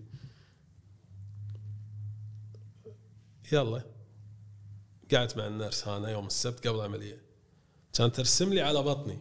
يا حليلها اي يعني اوريدي هذا لازم يصير ومنها شرح أن شوف هني رسمت الجزء هذا دائرة كذي راح تكون هذا الجزء راح يطلع منها معدتك راح نركب لك كذا كذا نسوي لك كذا وكل شيء راح يصير معك. شنو راح تحس؟ شنو راح يصير فيك؟ ونفس الشيء الدكتور اللي أنا كنت قاعد معه قال لي نفس الأشياء. أوكي. يلا رد البيت تعال باكر. قاعد من الصبح باكر يجينا المستشفى دش عمليات. أهلي طبعا كانوا جاي دشينا. تعرفين اللي أنا داش عملية شوي متوتر. أول عملية اسويها بحياتي. وعملية ميجر يعني مو عملية سهلة. شوي بلشت اتوتر من شفت وجه الدكتور؟ وصلنا غرفة عمليات. شفت وجهه ارتاح. سبحان الله. غرفة عمليات قبل يخدرونك تكون باردة وايد. هم الظاهر يعني شرط من شروطهم لازم تكون غرفة عمليات باردة ما أدري. كان برد وايد. already أنا على فراش دازيني فمتلحف بس مو ملحق. علي هذا أو يمكن أنا بعد خايف قاعد يصير برد. كان يبوا لي كمبل دافي. يعني كنا حاطينه بمايكروويف إيه. ولحفيني فيه. هاك تلحف. دقة التفاصيل. إيه تلحفت. سبحان الله ال nurse هذه اللي جت جابت لي ال cover طلعت ظاهر سودانية عايشة هناك فمسلمة. قامت تقرأ علي. واي طالع سخرة إيه. إنه ما عليك لا تحاتي وهذا. okay. يعني أنا already ما يعني هي خلاص أنا قلت لك شفت وين الدكتور ارتحت شفته لبس لبسه تعرفين لما تشوفين لاعب بيدش الملعب الحين؟ تدرين إنه هو جاهز؟ شفته ارتحت. فهو سبقنا غرفة عمليات أنا كنت غرفة تجهيز ما قبل العمليات. لحفتني دفتني قعدت مرتاح. كانت تجي لي النرس الثانية إنه هاك هذا أكسجين بس بنركبه آه، عشان عملية التنفس تكون يعني سليمة. أوكي. هذا قاص علي. هذا ال- ال- الأنستيزيا البنج. ال- إيه، إيه، البنج. واحد اثنين ثلاثة أربعة لا أنا شت- أوت يعني أنا أذكر قالت لي ها إيش قاعد تحس فيه؟ لا زين زين زين. أوت نايم. خذت عملية قال لي كم يمكن أربع ساعات. خلصت. بطلت عيني بغرفة الإفاقة بروحي. ما أدري إيش قاعد يصير معي. ألم ألم ألم أحس. يعني ألم من داخل كنا حد راميني بمسدس. ما عارف شنو الألم كنت أصارخ. مو صراخ ينون بس اللي أنا نص نايم ونص صاحي. pain pain بس قاعد أقول pain. شدتي لي واحدة nurse من النرسات ترى إحنا مركبين لك pain killer مسكن الألم. إي. هذا already هم مبلغيني قبل العملية إنه راح نركب لك إياه. بس وقت الصجيه أنا طبعا ناسي. لازم أنا ارعص ال pain killer. ما يصير هم يرعصون لي إياه. قانون عندهم. لأن ال pain killer اللي حاطين لي إياه قوي. نفس المورفين. اسمه oxycodone ال oxy هذا يعني حال حال المورفين لازم ارعصه دقمه ينحط بجسمي يريحني. فهم حاطين لي إياه موصلينه بالوريد. والريموت موجود. معاي أنا منسدح مع الوايرات واللوية. ما أدري وينه طبعا توني قاعد فمو ببالي. وال nurse هذه الله يهداها ما تبي تقول لي ان هاك الريموت وارعص أنا already مو حاس. فألم تميت. كان يدزوني من غرفة الإفاقة لغرفتي اللي استقبلني بذاك الوقت أمي وأخوي العود. وأنا طبعا ألم آه كذي جاي ما يدرون إيش سالفتي. إيش فيك؟ جاي قال لي إنه إيش فيك؟ آه، ألم ألم قاعد أقول له ألم عوار. كانت تشرح لهم النرس هذه نفسها إن هذا الريموت حق البين كيلر هذا. وطريقته كل خمس دقائق يشتغل. ارعص الحين. يعطيني الجرعة مالتي. طيط تسمعين الصوت جهاز يشتغل. يعطيني الجرعة ينقفل. إذا رعص مرة ثانية ما يشتغل. خمس دقائق بعدين أقدر ارعص مرة ثانية. كذي رعص لي اياها أخوي. كان تقول لي ترى ممنوع. اوف. إيه. طبعا أنا ألم وصراخ أخوي يعني آه، ما رد عليهم يعني. انه خلاص الرجال قاعد يتألم نعطيه. okay بس لازم هو اللي يرعص فحطوا لي إياه عند صدري هني. وأنا مع الألم قاعد أسوي كذي. أدوره ما أدري وين يعني مو فاهم شنو شكل الريموت. أنا نص نايم نص الدنيا مشوشة عندي. okay كان انام ليه الصبح اليوم اللي عقبه قعدت. ألم؟ إي. بس تعرفين اللي في شيء غير. يعني أنا مو أنا. يعني الشعور اللي أمس كنت قاعد أحس فيه وأنا قاعد طبيعي مو موجود. شو الدكتور اليوم اللي قبله قايل لي أنت راح تقعد من العملية ما فيك مرض. سبحان الله. كذي. اللي راح تحس فيه بس تعب العملية نفسها. فأنا الألم هذا ألم الجراحة. اي بس وين ألم المرض اللي أنا كنت قاعد أحس فيه أمس؟ مو موجود. صار فيني اللي خلاص يعني أنا أقدر أعيش طبيعي. راح أقدر إن أنا خلاص آه، أفكر عقب ثلاثة أشهر شو راح أسوي من اليوم. بس قلت طبعا أنا لا, لا, لا أبالغ لأن توني أول يوم. قعدت من النوم لقيت أهلي وإخواني يمي. والدقمة هذه وياي. هذه كانت يعني اهم أهم بارت من القصة كلها الدقمة هذه. تميت آه، خط آه، حزه الاستشفاء هذه اللي أنا اتم قاعد المستشفى قال لي قاعد خمسة أيام عقب العملية. ارتاح. طبعا ممنوع أتحرك. ممنوع أقوم من فراشي. آه، أقدر ألف أتحرك شوي آكل أبلش آكل. الدقمة هذه موجودة. متى ما احتجتها راصها. okay. لمتى؟ لمدة خمس أربعة أيام. okay. مركبين لي الكيس. لقيته جاهز. وما أنا عارف شنو طريقته للحين. عدى أول يوم. okay. الدقمة هذه ال pain killer موجودة. كل خمس دقائق شغالة وياي. طيط طيط طيط رايحين. أغلب يومي كنت نايم. يعني تعبان من العملية البنج للحين مأثر عليه شوي. اقعد خمس دقائق اسولف مع أهلي شوي أرد أنام. أول يوم ضاع كذي نوم. ثاني يوم بلشت أصحصح. قمت أقعد. ها آكل سولف قمت أضحك. عادي صارت شوي يعني نفسيتي أحسن. أشوف ال nurse أشوف الدكتور موجودين وضعهم okay كل شيء سليم. طبعا يالي قال لي الحمد لله عمليتك كانت 100% ناجحة. فهذا أعطاني مؤشر وايد حلو ومريح. والغرفة اللي أنا كنت قاعد فيها five stars كني قاعد فندق ما كني قاعد مستشفى. ليه رابع يوم؟ ها شو وضعك؟ زين تحس تقدر تطلع ردك البيت خلاص؟ إي وضعي زين. okay. عندنا part صغير شوي مزعج. شنو؟ نعلمك شلون تبدل الكيس بنفسك. okay أنا ما عندي مشكلة مستعد. okay. جت هانا شرحت لي. كذي راح نسوي باكر اللي انت تكون جاهز ان انت تبدل. okay. طبعا خلال خمسة أيام في المستشفى هذه ال- ال pain killer وأحتاجه ما أحتاجه ارعص واستعملها لأن إذا سويت راصة الدقمه كني قاعد أسوي مساج حق مخي. تعرفين الشعور اللي خلاص صير high؟ كني عايش عالم ثاني. إن لدرجة إن إذا غمضت عيني أنام. ما في نوم. توني قاعد. راص دقمة. غمض أنام. دقمة يا من عالم ثاني. شوية هذه ال OxyContin إيه إيه إيه. OxyContin إيه، تدري عليها الحين سووا عليها مسلسلات. بالضبط. هذه تنباع برا كمخدرات. أنا أعطيني إياها. أعطيني إياها free وحلال. راح أسيء استخدامها. وايد يازت لي الفكرة. صدق يا ساعات كنت أحتاجها ما إيه، اكذب عليك أكيد أكيد. بس اوقات ما كنت. أحتاجها. أوقات كنت أبي أستانس فيها. يعني بالليل ما في نوم ارعصها خلاص انحلت المشكلة فاستمر الوضع خمسة أيام على كذي. ليوم اللي لازم أبدل كيس هذا كنا كان اختبار. أنت بدلت ونجحت راح نطلق ما نجحت راح تقعد تستمر تعيد. okay أنا مستعد. أبي أطلع من المستشفى ما ابي اقعد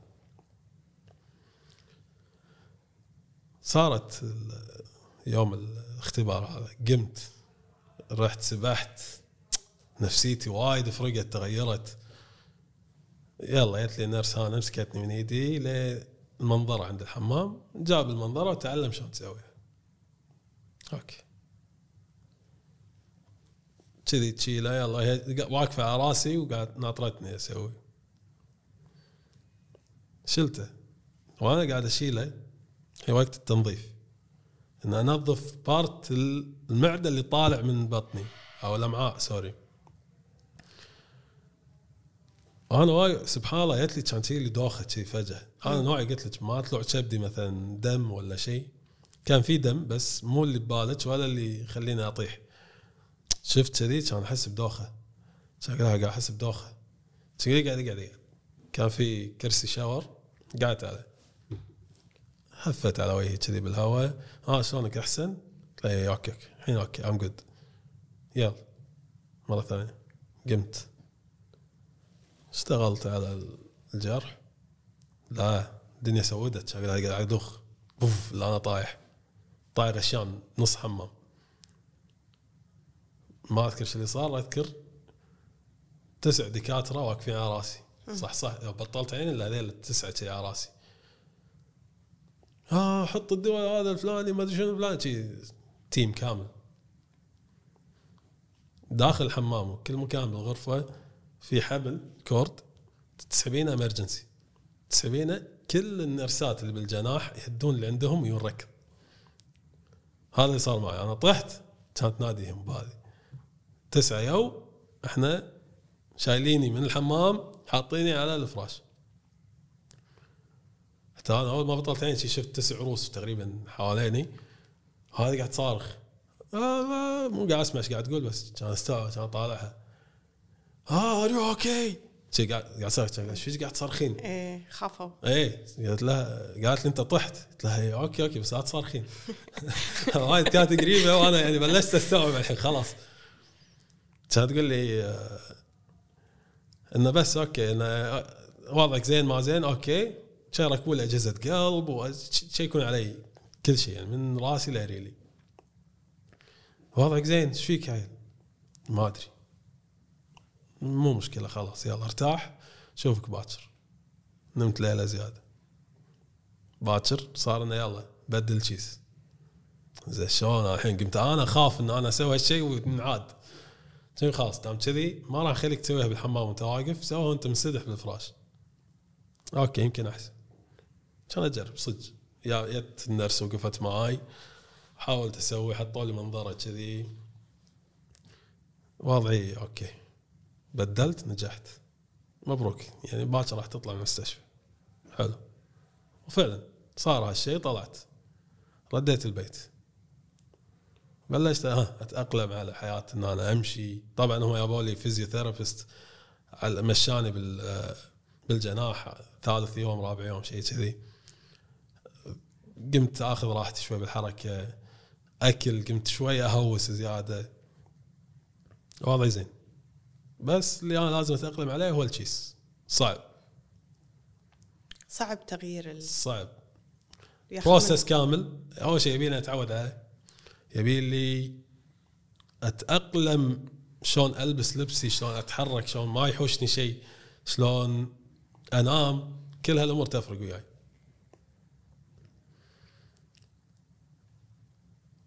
كنت مستعد يعني خلاص يعني بالأخير هي فترة مؤقتة وتالي يعني راح ينشال إن شاء الله.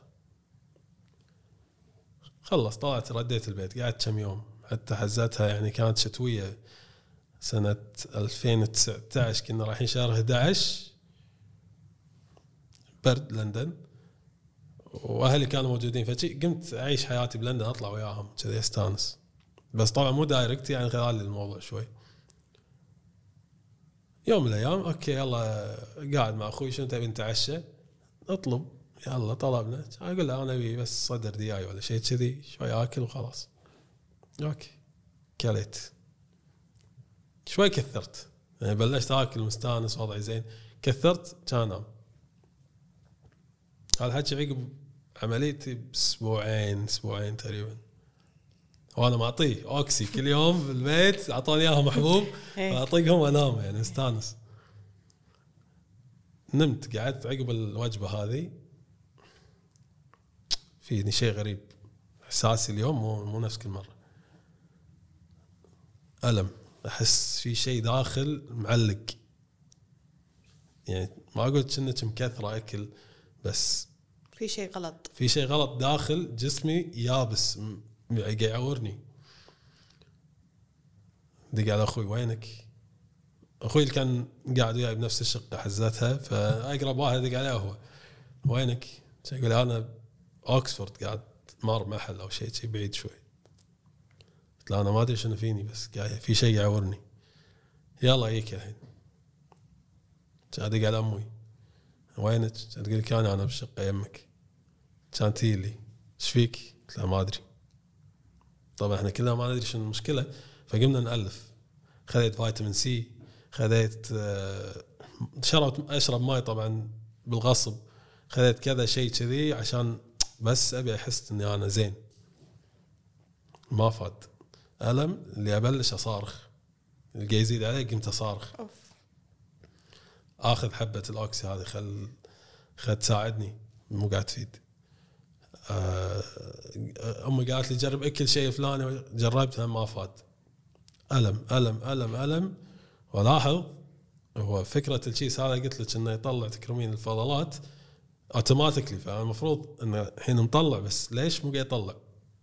في شيء غلط صاير داخل. بدل الچيس يمكن المشكلة أنت حاط الچيس غلط ولا شيء ضاغط. يلا okay. يعني أنا قاعد اتالم حاولت أبدل الچيس فصار إن قاعد ألف بالغصب. ألفنا مو قاعد يطلع شيء ولا قاعد يصير شيء وجسمي للحين شوت صدفه اليوم؟ كان كريسمس عندهم. كل شيء مسكر مبكر. آه، إسعاف ماكو. أنا ابي إسعاف توديني للمستشفى ما ماكو.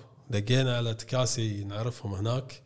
تعال مرنا لا والله إحنا إجازة طالعين برا لندن وكذا. شو الحل؟ ما أعطيك رقم فلان جرب نجرب كذا واحد ماكو. خلاص آه، عزيز انزل. أخوي انزل. شوف لنا تاكسي وقفة نركب وياي يودينا المستشفى. أوريدي المستشفى مو بعيد عن الشقة 10 دقائق قلت لهم أنا ما أقدر أركب سيارة وأروح ما أقدر أتحرك من فراشي حاليا. حتى أصلا بالغصب كنت أتكلم. آه ما له كله تكاسي تحت. يلا انزل. نزل. تكاسي يومها مسوين اضراب. ما حد مداوم ماكو تكاسي بالشارع شو الحل؟ ما ندري. يمين يسار. صعد أخوي. صعد نزل مليون مرة. كان يقول لي لقيت واحد. يلا بسرعة امشوا شو هني أنا مر علي يمكن أربع ساعات خمس ساعات وأنا بهالحالة. واركب وياه التكاسي هناك عندهم إذا أنت مريضة بتموتين لا تركب وياي كيفك؟ ما يبي يبتلش فيك فانا ركبت سويت روحي إنه ما فيني شيء. طاق هودي مغطي على وجهي وقاعد ورا منخش ورا التاكسي عشان لا يشوفني. ونروح للمستشفى. قعدوني أول ليلة drip ما drip و painkillers وكذا. صار وضعي زين بس للحين هذه ال- ال stoma أو الچيس مو قاعد يشتغل. في شيء غلط. نمت الليلة. قعدت كانت لي ال nurse هانا نفسها اللي هي ال specialist هذه. كانت تقول أوه يمين يسار؟ اي إن أنت فيك block blockage هذا اللي صار داخل. شو الحل؟ كانت تقول لي خليني أعلمك الطريقة عشان إذا صارت فيك مرة ثانية تعرف تسويها أنت بالبيت. شنو؟ ندخل catheter اللي هو tube شي صغير أو مو صغير هالطول بالضبط. تقريبا اي طول هذه هذه بس على شكل أو حجم ال- ال wire هذا. تدخلها داخل بالامعاء وتسوي كيت مع الابره تسوي كذي طلع الدنيا تشتغل. يلا. هي سوت لي إياها. سوت لي إياها كان يطلع كان تفتش الدنيا معي ارتاح. يعني جسمي ارتاح وأنا ارتحت وخلاص صار كني كذاب. فعرفنا الطريقة. قلت له زين بس شلون أنا أسويها؟ وايد يعني وايد صعب إن أنا أدخل إيدي داخل جسمي كذي يعني. كنا هذا access لي داخل امعائي أنت عرفت إي؟ فصعب جدا. قالت لي أو إن الحل إنك تي تنطر تي للمستشفى وتسويه بس أنا قلت هذا بيصير فيه نفس اول مرة صعبة. قلت له okay. عدت الأسابيع الحمد لله ما حاشني شيء كذي. تميت مرتاح قاعد بالبيت ما لي خلق أسوي ولا شيء بس أبي أرتاح وآكل وأنام. يلا خرج الكويت. عشان لا اضيعك العملية الأولى. لازم ثلاثة أشهر راحة للعملية الثانية. فأنا الحين خلاص صار لي already من شهر 11 مسوي العملية. هالحكي وصلنا شهر واحد. وعمليتي الجاية شهر ثلاثة. فقلت أنا ليش أقعد الفترة هذه كلها بلندن فأرد الكويت أقعد مع أهلي والناس. خلاص. رديت الكويت. قبل ردتي بليلتين كانت تصير فيني هذه نفسها بالبيت. وبنص الليل أمي بروحها اللي معي. كان أدق عليها قلت لها لحقي علي. إيش ما في؟ قلت لها نفس المشكلة. سبحان الله. يعني أمي صارت كأنها هي أحسن من النيرس اللي سوت لي إياها بالمستشفى. حبيبتي. اللي سوته لي الشعور ذاك الوقت اللي مع ال nurse كان شوي في ألم وأذية إيه. هي سوتها لي وكأن- يعني كأنها 20 سنة تشتغل وياهم. من غير لا أتعب من غير لا أتأذى ولا شيء وضبطتها 100% ارتحت. قلت لها بس خلاص أنا الحين كذي أقدر أرد الكويت وأنا مرتاح لأن أمي موجودة. بأي وقت تصير فيني هالموقف أمي راح تحل لي الله المشكلة. يحفظه خليه لك. إي والله الله يسلمك. سوت لي إياها. حتى أمي يعني أقول لك يعني الوضع والموقف مع الجرح والأمعاء هذه مو شيء سهل على مره أكيد. تشوف الموضوع هذا. وهي تعاملت مع الموقف ولدها. بشجاعة عرفت؟ ولا كنا شيء صاير. فأنا كنت دائما أقول إن أمي يعني بحياتي أو قصة حياتي هي دائما هي البطلة رقم واحد. الله يحفظها ويخليها آه لك. الله يسلمك. آمين. يحفظ لك اهلك ردينا الكويت عشت حياتي طبيعية هالشهرين. هالحكي صار الحين شهر واحد 2020 عشت حياتي طبيعي وراي عملية شهر ثلاثة اللي أرد فيها لندن. يلا نروح. من معي مرة ثانية؟ أخوي.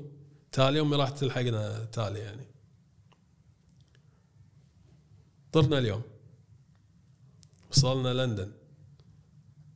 باكر موعدي مع الدكتور. يشوفني ونجهز حق العملية عقبها بيوم العملية. هذا اللي صار. process سهل وسموث قعدت مع الدكتور ها جاهز حق العملية الثانية. قلت له شو الوضع الحين؟ شنو الخطة؟ كان يقول لي قلت له يعني شو الحل مع ال case لأن أنا مليت من ال case لأنه متعب. اولا لازم انام سيدة على ظهري. تبديل ال case كل كم يوم. ساعات يحوشني خرير كان يتلفني ويتبطل من صوب وما كنت ضابط هذا. قال لي آه، راح نشوف. أثناء العملية الثانية اللي راح نسويها هاليومين أو هاليوم إذا راح تحتاج عملية ثالثة ولا لا؟ فال process هذا راح يوفر عليه وايد لأن بين العملية والثانية ثلاثة أشهر راحة. فإذا في عملية ثالثة فأنا قاعد بعد ستة أشهر فمطول. قال لي أثناء العملية راح أقرر أنا على حسب حالتك إذا أنت تحتاج عملية ثالثة ولا نخلص الموضوع من الثانية. فقلت له تكفى لا تقدر يعني خلص أكيد. قال لي نشوف. وكان شكله متفائل فأنا كنت مستأنس يعني. يلا. هني غيرنا المستشفى. من الأول اللي كان five stars لمستشفى شوي أسوأ بس قال لي أنا أحتاجك حق هالعملية الثانية اللي هي أهم عملية تكون بالمستشفى هذاك مع ال team الفلاني أو يحتاج هذاك ال team. okay. فعشان كذي رحنا مستشفى ثاني. okay. ومستشفى يعني الله بالخير. يعني كان يخرع كنا مهجور ووايد ناس من الفقارة كانوا يجون لها المستشفى هذا بس الجناح اللي حطوني فيه كان شوية أرقى. قعدنا. دشينا الحين يوم العملية. شفت الدكتور قبل أدش غرفة سلمت عليه ورحب فيني كنا كنا بنقعد نسولف الحين. قال لي يلا روح خلص إجراءاتك أشوفك بالعمليات إن شاء الله. أوكي. يعني كنت بس أنا وأخوي بروحنا. دشيت غرفة تجهيزات تحليل دم وأشياء كذي. شو يسوي لي؟ مسحة كورونا حزتها تو الموضوع جديد فاحتياط خلينا نسوي لك مسحة كورونا. سوى لي إياها حط الإبرة مالت الكورونا بطرف خشمي اللي بس دلدغتني وعادي. يعني الصجية يدخلونها للمخ صح. اي بس هذا سوى لي إياها كذي على الخفيف سريعه و- تو تو. بعدين مو اي تضحك يعني. حتى أنا ما فهمت شنو التحليل هذا جديد علي. يقول يلا okay. نروح العمليات. دشينا العمليات. جت لي دكتورة التخدير شرحت لي وكذا نفس القصة انعادت. دشينا عمليات قعدنا الغرفة الباردة هذه. كان آه، تجي لي تقول راح أحط لك أكسجين هذا عشان تتنفس okay. ترى عارف الكذبه اي هذه كذبه هذه وأنا مستعد لها خلاص يعني. قلت له أي أكسجين. okay. هاك يلا. صدق. ها إيش قاعد تحس؟ هالمرة عديت لين خمسة مو مو ثلاثة. لا أنا نايم. قعدت. بالافاقه ما أذكر انه صار عوار ما عوار لغرفتي مرة ثانية. بطلت عيني. سوي كذي بسرعة. ها كيس موجود. موجود. موجود. يعني في عملية ثالثة. يعني في عملية ثالثة. okay. أول شيء سويته سويت كذي. لا إيه. الكيس موجود. إيه. أنا كنت متوقع أسوي شيء ما ما القى فالكيس كان موجود فدريت إنه في عملية ثالثة. بس الحين مو وقت أنا دايخة فانام أخوي كان نايم عندي بالغرفة. أول يوم ما بعد العملية اللي أنا توني للحين مثل البنج انام وأقوم أرد أنام. كان يجي واحد nurse ثاني سوالي نفس المسحة مالت كورونا مرة ثانية كذي على الخفيف طاق خشمي ومشى. اللي حتى ما أذكر إنه سوالي إياها يعني. قعدت اليوم العقبة وضعي زين. ضايق خلقي لأن وراي عملية ثالثة بس قلت الحمد لله خير أخوي يسير علي ها شو وضعك؟ زين ما زين؟ اي دشيت تويتر اثناء القعدة طالع اغلاق مطار الكويت. أوف. كل المطارات الحين بالعالم هني بلشت تسكر. كان يقول لي بس كورونا صار الوضع كذي. قلت ويلي س- قلت زين أنا بلندن اللي انحكرت بلندن لأنه وراي عملية ثالثة. مو ما ودي أرد الكويت وأتوهق. قعدنا بالمستشفى. قال لي أخوي الوضع كذي صاير بالعالم. okay مشكلة يحلها ألف حلال تالي. عشت حياتي. يبون لي أكل آكل. آه، أخوي يقول لي أنا بنزل راح يجيب لي أكل وكذا عادي. تواصل مع أهلنا تكلمهم كذي وضعنا زين. تقمة الأوكسي موجودة. أنا جدا سعيد. علموني بعد الحين إن التشيز صار أكبر. اللي أنا كنت متعود عليه كان مثلا هالكبر صار هالكبر. فحتى البارتي طالع من الأمعاء مني صار شوي أكبر فيحتاج شوي عناية أكثر. مو مشكلة تأقلمت. علموني عليه وتع... صار عندي شوية خبرة فبلشت أتعود. رديت ريحت. للحين يحوشني هذه دوخة العملية وتعب فكنت أنام. فوقي قال لي أنا بنزل أدخن وآكل. ايك تالي كان العصر. قلت له روح. طيط دقمتي. نايم صار الليل أنا نمت يعني من العصر ليه تقريبا عشر عشر ونص بالليل. لا تسألني شلون نمت هالكثر. هم هناك كل ساعتين تقريبا يدش نرس ياخذ ضغط دم يشيك على نبضات القلب أشياء كذي فحوصات طبيعية ويمشي. فعشر ونص كذي دش علي واحد دش علي بدفاشة شوي. دريت إنه نرس كان امد له ايدي انه هاك يعني هذه الإيد اللي أنت أخذ الضغط منها وكذي بس خلني نايم ما أبي أتحرك. يقول لي لا لا قوم قوم. يعني مالي خلقك إيش تبي؟ قوم قوم أعطاني كذي. قلت له okay. فزيت لا لابس لبس فضائي.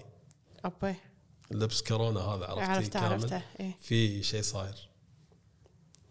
كامل ومغطي وجهه بزجاج ومليون قناع. كان يقول ها إيش قال لي؟ فيك كورونا أنت. أوف. ها طبعا يعني. مو فاهم ولا هامني بس إنه صدمني. كان أقول له زين كان يقول لي؟ راح نشيلك من الجناح اللي أنت فيه راح نقطك جناح كورونا. كان تصك فيني الدنيا يعني. قلت له لا no way مبلى قلت له أنا ما فيني شيء. ما كان فيني ولا شيء من الأعراض اللي قريناها على السريع ذاك الوقت إنه حرارة كحة آه، تحسين نفسك متكسرة. ما كنت أحس بولا شيء من هذا ما في شيء. بس إن هذا قال لي أنت فيك كورونا كان أقول له لا. قال لي ما راح. قلت له وين أخوي؟ يقول أخوك ممنوع يدش عليك الغرفة. قلت له والحل؟ آه راح ننقلك الجناح الحين. عطني بعد شوي نجيك ونوديك. لا انطر أدق تليفون على الدكتور. وادق عليه بنص الليل يعني الساعة 10 ونص داق على دكتوري فاشله yes بدر قلت له قصتي كيت كيت كيت. يقولوا لي ودوني هناك والله ما فيني شيء ما ودي أروح هناك ألقط مرض وأنا مريض. يعني ما تسوى علي. وأنا شايف وضع المستشفى شلون سيء. إلا الجناح اللي أنا فيه فأنت بتشيلني من الجناح هذا وتحطني بجناح مرضى كورونا خفت. يقول لي والله لازم وهذا اللي صاير الحين وهذا قلت له لا دكتور شوف لي حل. أنا already من باكر المفروض أرد البيت. أنت تبي تقعدني أسبوع مثلا بجناح كورونا. يقول خلاص انطر خليك تليفون وأشوف. okay. دق خلال ربع ساعة نص ساعة كان يرد يدق علي. ألو ها. خلاص بس باكر الصبح راح تجيك إسعاف تاخذك المستشفى تردك الشقة عندك بس ها تلتزم بالحجر بالبيت قلت له ما عندي اي مشكلة أنا ردي ناوي بس أقعد بالبيت ما بسوي شيء. okay. من وياك بالشقه؟ قلت له أخوي. يعني أخوك اللي منعوه إنه يدش؟ إي. okay.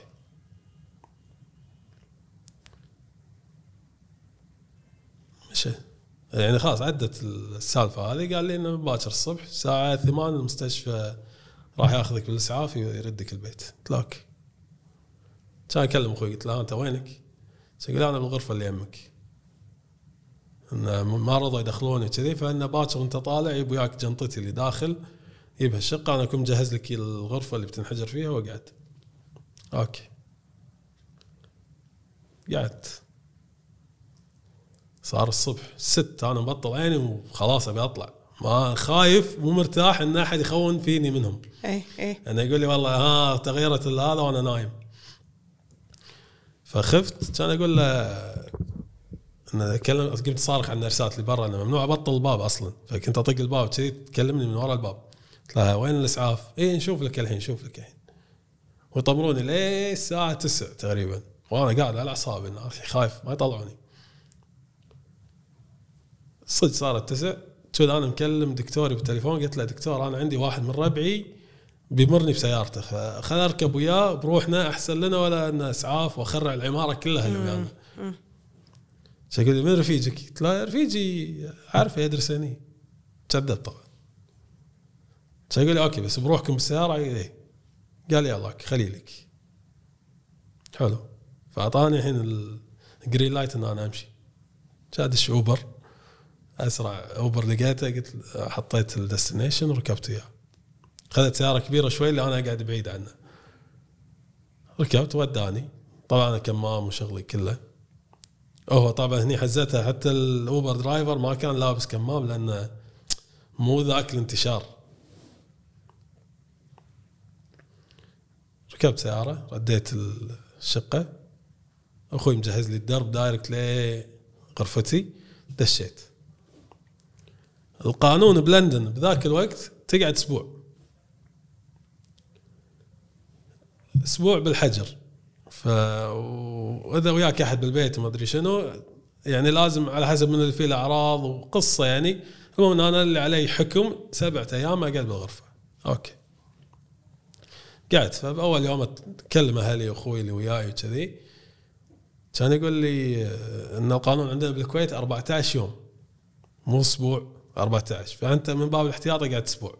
آه، أسبوع زيادة يعني. قلت okay 14 يوم تنحل.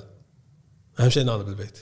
فأخوي كان هو الشيف مالي راح يجهز لي الأكل وراح يعطيني إياه. بس شلون؟ كان عندنا بلكونة يحط لي الأكل من برا موصولة من داري للصاله فهو يلي من البلكونة يحطها كذي يعني. قلنا okay فأنا من أول يوم قعدت كان أطلب PlayStation شاشة قلت عشان أمشي الوقت بس. أنا وراي أسبوعين قاعد بين أربع اطوف ملل سجن. حطيت إن ال delivery next day طبعا ما وصل واقعد من ثاني يوم انترنت بالشقة طافي كله واقعد سجن يومين كاملين من غير انترنت ولا تليفون ولا شاشة ولا شيء بس قاعد أربع اطوف بلشت لين كلمت أخوي قلت له يتصرف موضوع الواي فاي وكذا يمين يسار بالغصب لقينا. حل اشتغل هذا؟ اشيك على الطلبية مالتي مو مو واصلني شيء واقعد خلال 14 يوم بلشنا نوصل لآخر آخر يومين. كان يطلع قرار إنه بالكويت 21 يوم مو 14 يوم. يلا اقعد بعد أسبوع. طبعا إخواني يبون الفكه مني. اقعد بعد أسبوع. okay. قعدت أسبوع زيادة. أنت خلال هالفترة ما حسيت بأعراض ولا شيء يعني؟ الحمد لله. يعني كنت تعبان بس مت... متأقلم ومتحمل. يعني بس هو تعب العملية ولا أعراض كورونا؟ تعب العملية بس ما في أعراض كورونا. ولا كنا كذب أنا ليومك أقول انه ما كان فيني كورونا. أنا ما قالوا لي أنت فيك بس ما كان فيني. ما حسيت بولا شيء. حتى يعني حزتها كان للحين غريب المرض وكذي ما قلت إنه أقعد بالمستشفى أريح لي يداروني يشوفوني. أنا من الفحص اللي سووا لي حسيت مو صحيح. يعني ما أمنت عليهم. كلش يعني. وخاصة أنا كنت ناظر أحس بأي أعراض عشان أقدر أقول والله أنا فيني. فيني هالشيء ولا ما فيني. ما حسيت بشيء خلاص خير رد البيت. إذا حسيت بشيء حزتها نرد المستشفى يعني. قعدت ال 21 يوم. هالحكي شهر ثلاثة؟ حكي شهر ثلاثة هني عزها إيه. اللي بلشت الدنيا إيه. كلها. فقمنا نقرأ وايد قمنا نعرف وايد اللي نشتري أي شيء نعقم كل شيء كذي كان. واخوي هو المسؤول عن الشقة وكل شيء وعن يجيب لي أكل يطبخ لي وكذا. وأنا محكور بالغرفة. وعندي عدتي مالت الشاش وغياراتي وكل شيء لازم ال 21 يوم هذه مرت وأنا قاعد بس بين أربع اطوف ما عندي إلا تليفوني و iPad. PlayStation ما وصلت؟ ما وصل لا PlayStation ولا ولا تلفزيون. يلا قلت يلا هانت. كان يطلع قرار جديد بالكويت إنه 28 يوم بدل 21 يوم. كان تزيد بعد أسبوع أنا قعدت 28 يوم كاملين بروحي بين الأربع اطوف بالغرفة هذه. تحملتها بالغصب. لآخر يوم. دش علي أخوي يلا مبروك اطلع قبل أطلع نسيت هذا فرط صار. قبل طلعتي بكم يوم يعني يمكن ثلاثة أيام. مزجت قاعد قاعد ما عندي شيء ملل. فقلت أنا بحلق لحيتي عندي مكاين وكذا طق اللحية وباخذ لي shower. وأقعد spa day على رحت دشيت فأنا شنو كنت أسبح بعدين أبدل التشيس حلقت سبحت قلت يلا خليني أبدل التشيس وأنا قاعد أبدل التشيس كانت تحوشني الدوخة اللي حاشتني بالعملية الأولى اللي أنا يمكن أطيح الحين. غرفتي مسكرة بابين وبابين ثقال اللي ما يسمعني أخوي إذا صرخت. حسيت بدوخة كان اقعد قعدت على ال shower box هذا كان اقعد كذي لا ما أبي أطيح.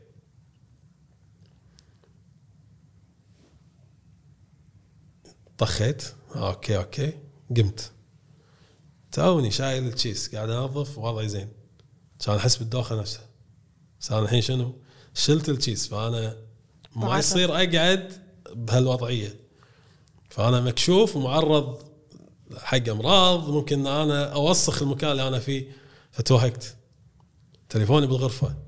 هذا كانت غلطتي إن تليفوني كان بالغرفة. وفيها ركضة من الحمام للغرفة يعني كم متر. قلت لا لا اطيح لازم أدق على أخوي. رحت قبل لا ألقى تليفون لقيت يمي كاكاو. كاكاو سادة فيعني كليته كان يزنطني. من كثر ما هو كان يعني يسحن.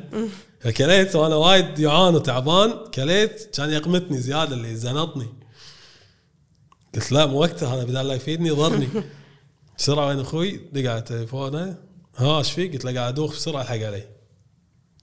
كورونا ما يقدر يدش علي على طول قام يروح يلبس. دس وكمام وكذا لا أنا خلاص بلشت أغمض قمت أشوف الدنيا سوداء كان يدش علي ها ما ها. يطقني طراقات هواء يهف علي وكذا. ماكو. قاعد أقول له قاعد أطيح خلاص. قاعد أشوف وجهه يصير بعيد وقاعد أسمع صوته يروح. خلاص يعني كنا أفلام شفت الأفلام اللقطات هذه. كذي قاعد يصير صوته بعيد. كان أحط راسي خلاص أنا الحين بودع. ما أدري شو راح يصير بس ما أقدر. آه، ماني والله. قادر. قاعد أقاوم. طراقات طراقات ترش على وجهه ماي ما أدري شنو. كان يحط لي كسرة بطاط شيبس إيه. تشك كان بلش أصحصح. الظاهر إنه نزل الضغط عندي. كان يجيب لي زيادة. كليت كليت صحصحت. صار وضعي زين.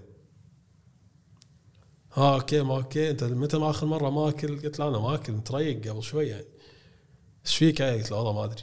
حاشني نفس الشعور اللي حاشني أول مرة. كان يقول لي بس زين شوي يلا خليني أسوي لك الحين بيضة ما أدري شنو هيك فعلا يعني راح رد. شو أنا شنو؟ ماسك مثل كوب كذي كنت مغطي الجرح. قلت عشان إذا صار ما صار على يعني الأقل أقل شيء يلحق. شوي اي ويغطي عليها وهذا صدق شيء يعني كنت طبعا أنا يعني طالع من الشاور وطايح كذي يعني فأخوي يلحق علي. تحسنت؟ كان أقول خلاص يلا خلينا نكمل تبديل الجرح قبل لا يصير في شيء يعني. نظفت مكانه مرة ثانية وغطيته الحمد لله. وعدت. اللي هني عقبها بيومين طلعت أنا من الحجر اللي أنا فيه قمت أعيش مع أخوي بالشقة خلاص. وراي عملية ثانية الحكي كان شهر ثلاثة 2020 عمليتي الثانية راح تكون عقبها بثلاثة اشهر يعني اراوند ستة. شهر ستة سبعة بالكثير كنت أكلم دكتوري ها دكتور شلون؟ قال والله مع كورونا الحين والدنيا اللي قاعد يصير آه، ما أدري متى انطر okay انطر أقدر أرد الكويت يعني؟ قال لي رد الكويت إذا تقدر مسكرة المطارات مسكرة مطارات إيه. بس كان في إجلاء. في إجلاء. إيه. okay. كان نتواصل مع السفاره السفاره كلمنا المكتب الصحي كلمنا ناس من السفاره إن إحنا عندنا حالة مرضية وطوارئ إن إحنا نبي إجلاء وياكم. كان يقولون أوكي. أنطر. وننطر. ليه؟ شهر خمسة إحنا ناطرين. أو آخر أربعة. ليه؟ 28 أربعة بالضبط. يلا قالوا الحين بلش الإجلاء. بلندن. إحنا يمكن كنا ثاني رحلة ثالث رحلة شيء كذي. ركبنا طيارة وصدق ردينا. أول يوم رمضان بالكويت. هني بلش الحجر الحظر الكلي. سكروا الدنيا كلها بالكويت. كل واحد قاعد ببيته وأنا صدق أنا وأخوي. انحجرنا بالبيت. أنا لي part وله part وقاعدين. 28 يوم ثانية. يعني الله يعطيكم العافية. إيه إيه يعني كان سجن. قعدنا 28 يوم اوريدي عقبها شويشه تدريجي شالوا الحظر صار ساعتين تطلع رياضة وكذا. فكان ربعي اللي حواليني بالمنطقة نتشاوف فهذا هون علي الفترة هذه شوي يعني. مرت الفترة هذه صعوبة كورونا والدنيا. تأقلمنا عادي وأتواصل مع دكتوري اللي هناك. فها دكتور متى نسوي العملية؟ انطر شوي انطر شوي الوضع بلندن مو مستقر. طبعا أنا شفت بعيني لندن يعني شلون كانت مدينة اشباح يعني شوارع ما فيها سيايير. الناس اللي يمشون كل يوم ما تشوفينهم. أوريدي جوها يخرع كئيب. ف ما صارت مدينة اشباح بكورونا الله لا يعيد هالايام والله وخاصة فترة علاج ومع القصص هذه. قلنا okay يلا ننطر. ليه شهر تسعة قعدنا بالكويت. كان يعطوني ال green light خلاص. افتحوا المطارات. اليوم فتحوا المطار آخر ثمانية. اليوم فتحوا المطار أنا باكر طاير. رديت لندن. عند نفس الدكتور يلا نسوي لك العملية الثالثة باكر. بس ها. هالمرة أنا رايح لندن مع أمي بروحنا. ما حد يدش وياك المستشفى تقعد بروحك. كورونا. okay. وشنو قصة العملية الثالثة؟ راح نشيل ال part اللي طالع من أمعاك راح ندخله داخل نخيط من داخل نسكر الجرح. حلو. أنا هذا هذا العملية أنا ناطرها قلت له يلا.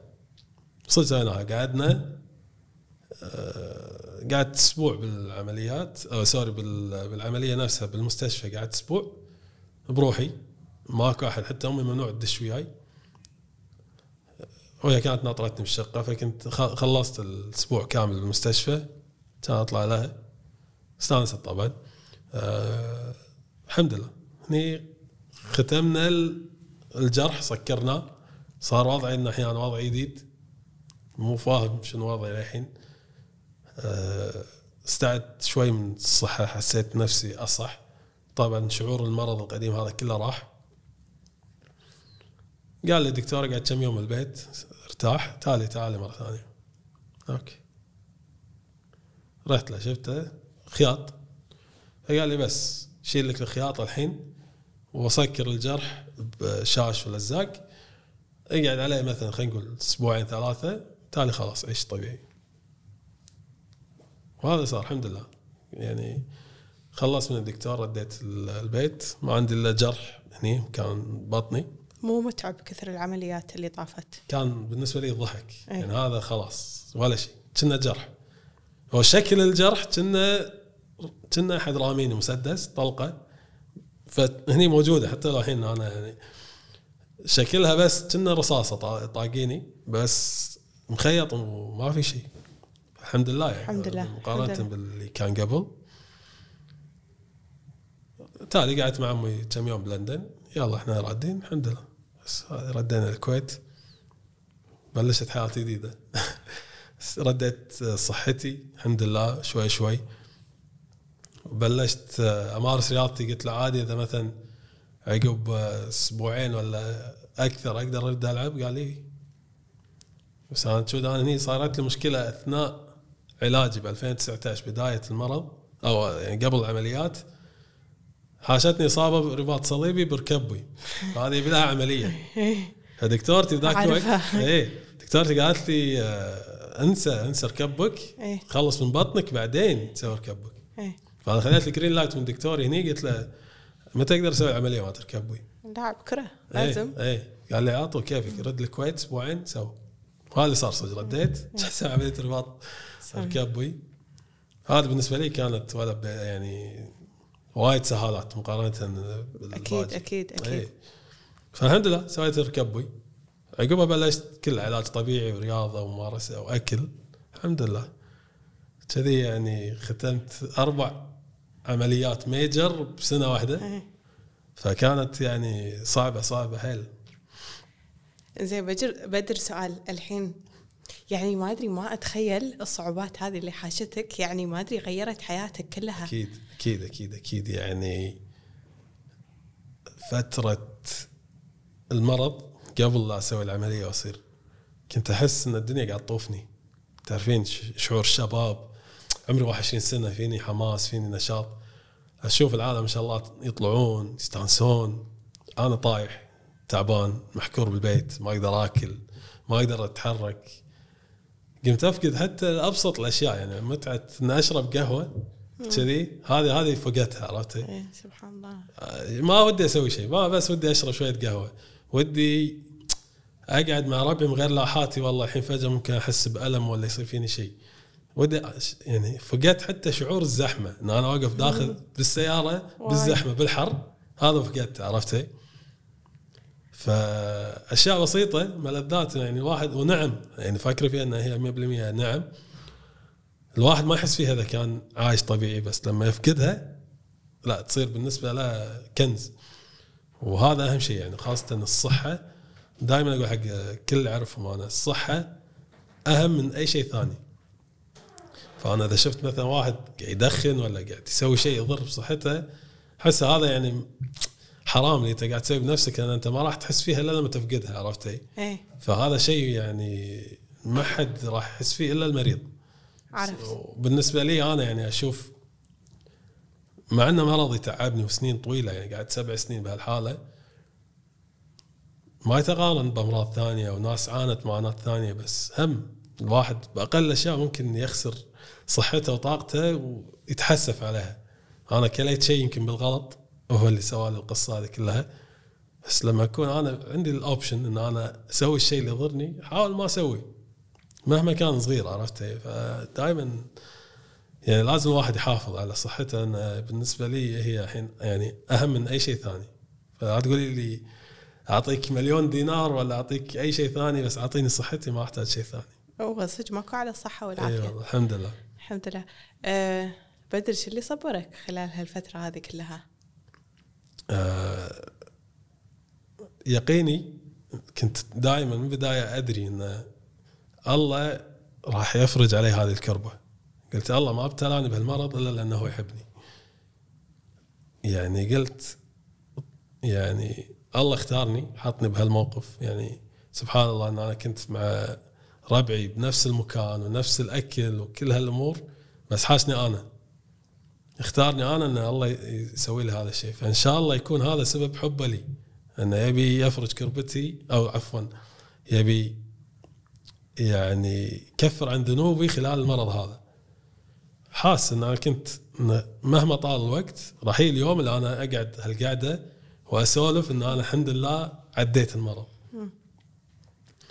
فكنت دائما حاط ببالي انه راح يجي اليوم هذا. ما كنت أدري متى ولا كنت أشوفه قدامي. بس سبحان الله على الظروف اللي صارت كلها على الخيرة اللي صارت لي بالمستشفى الله حطني بإيد ناس وصلوني لهالدرب آخر شيء. يعني سبحان الله إحنا نرد وندور ونرد على موضوع اليقين كل مرة. بالضبط. اليقين هذا من وين؟ سبحان الله أنا يالي كذي.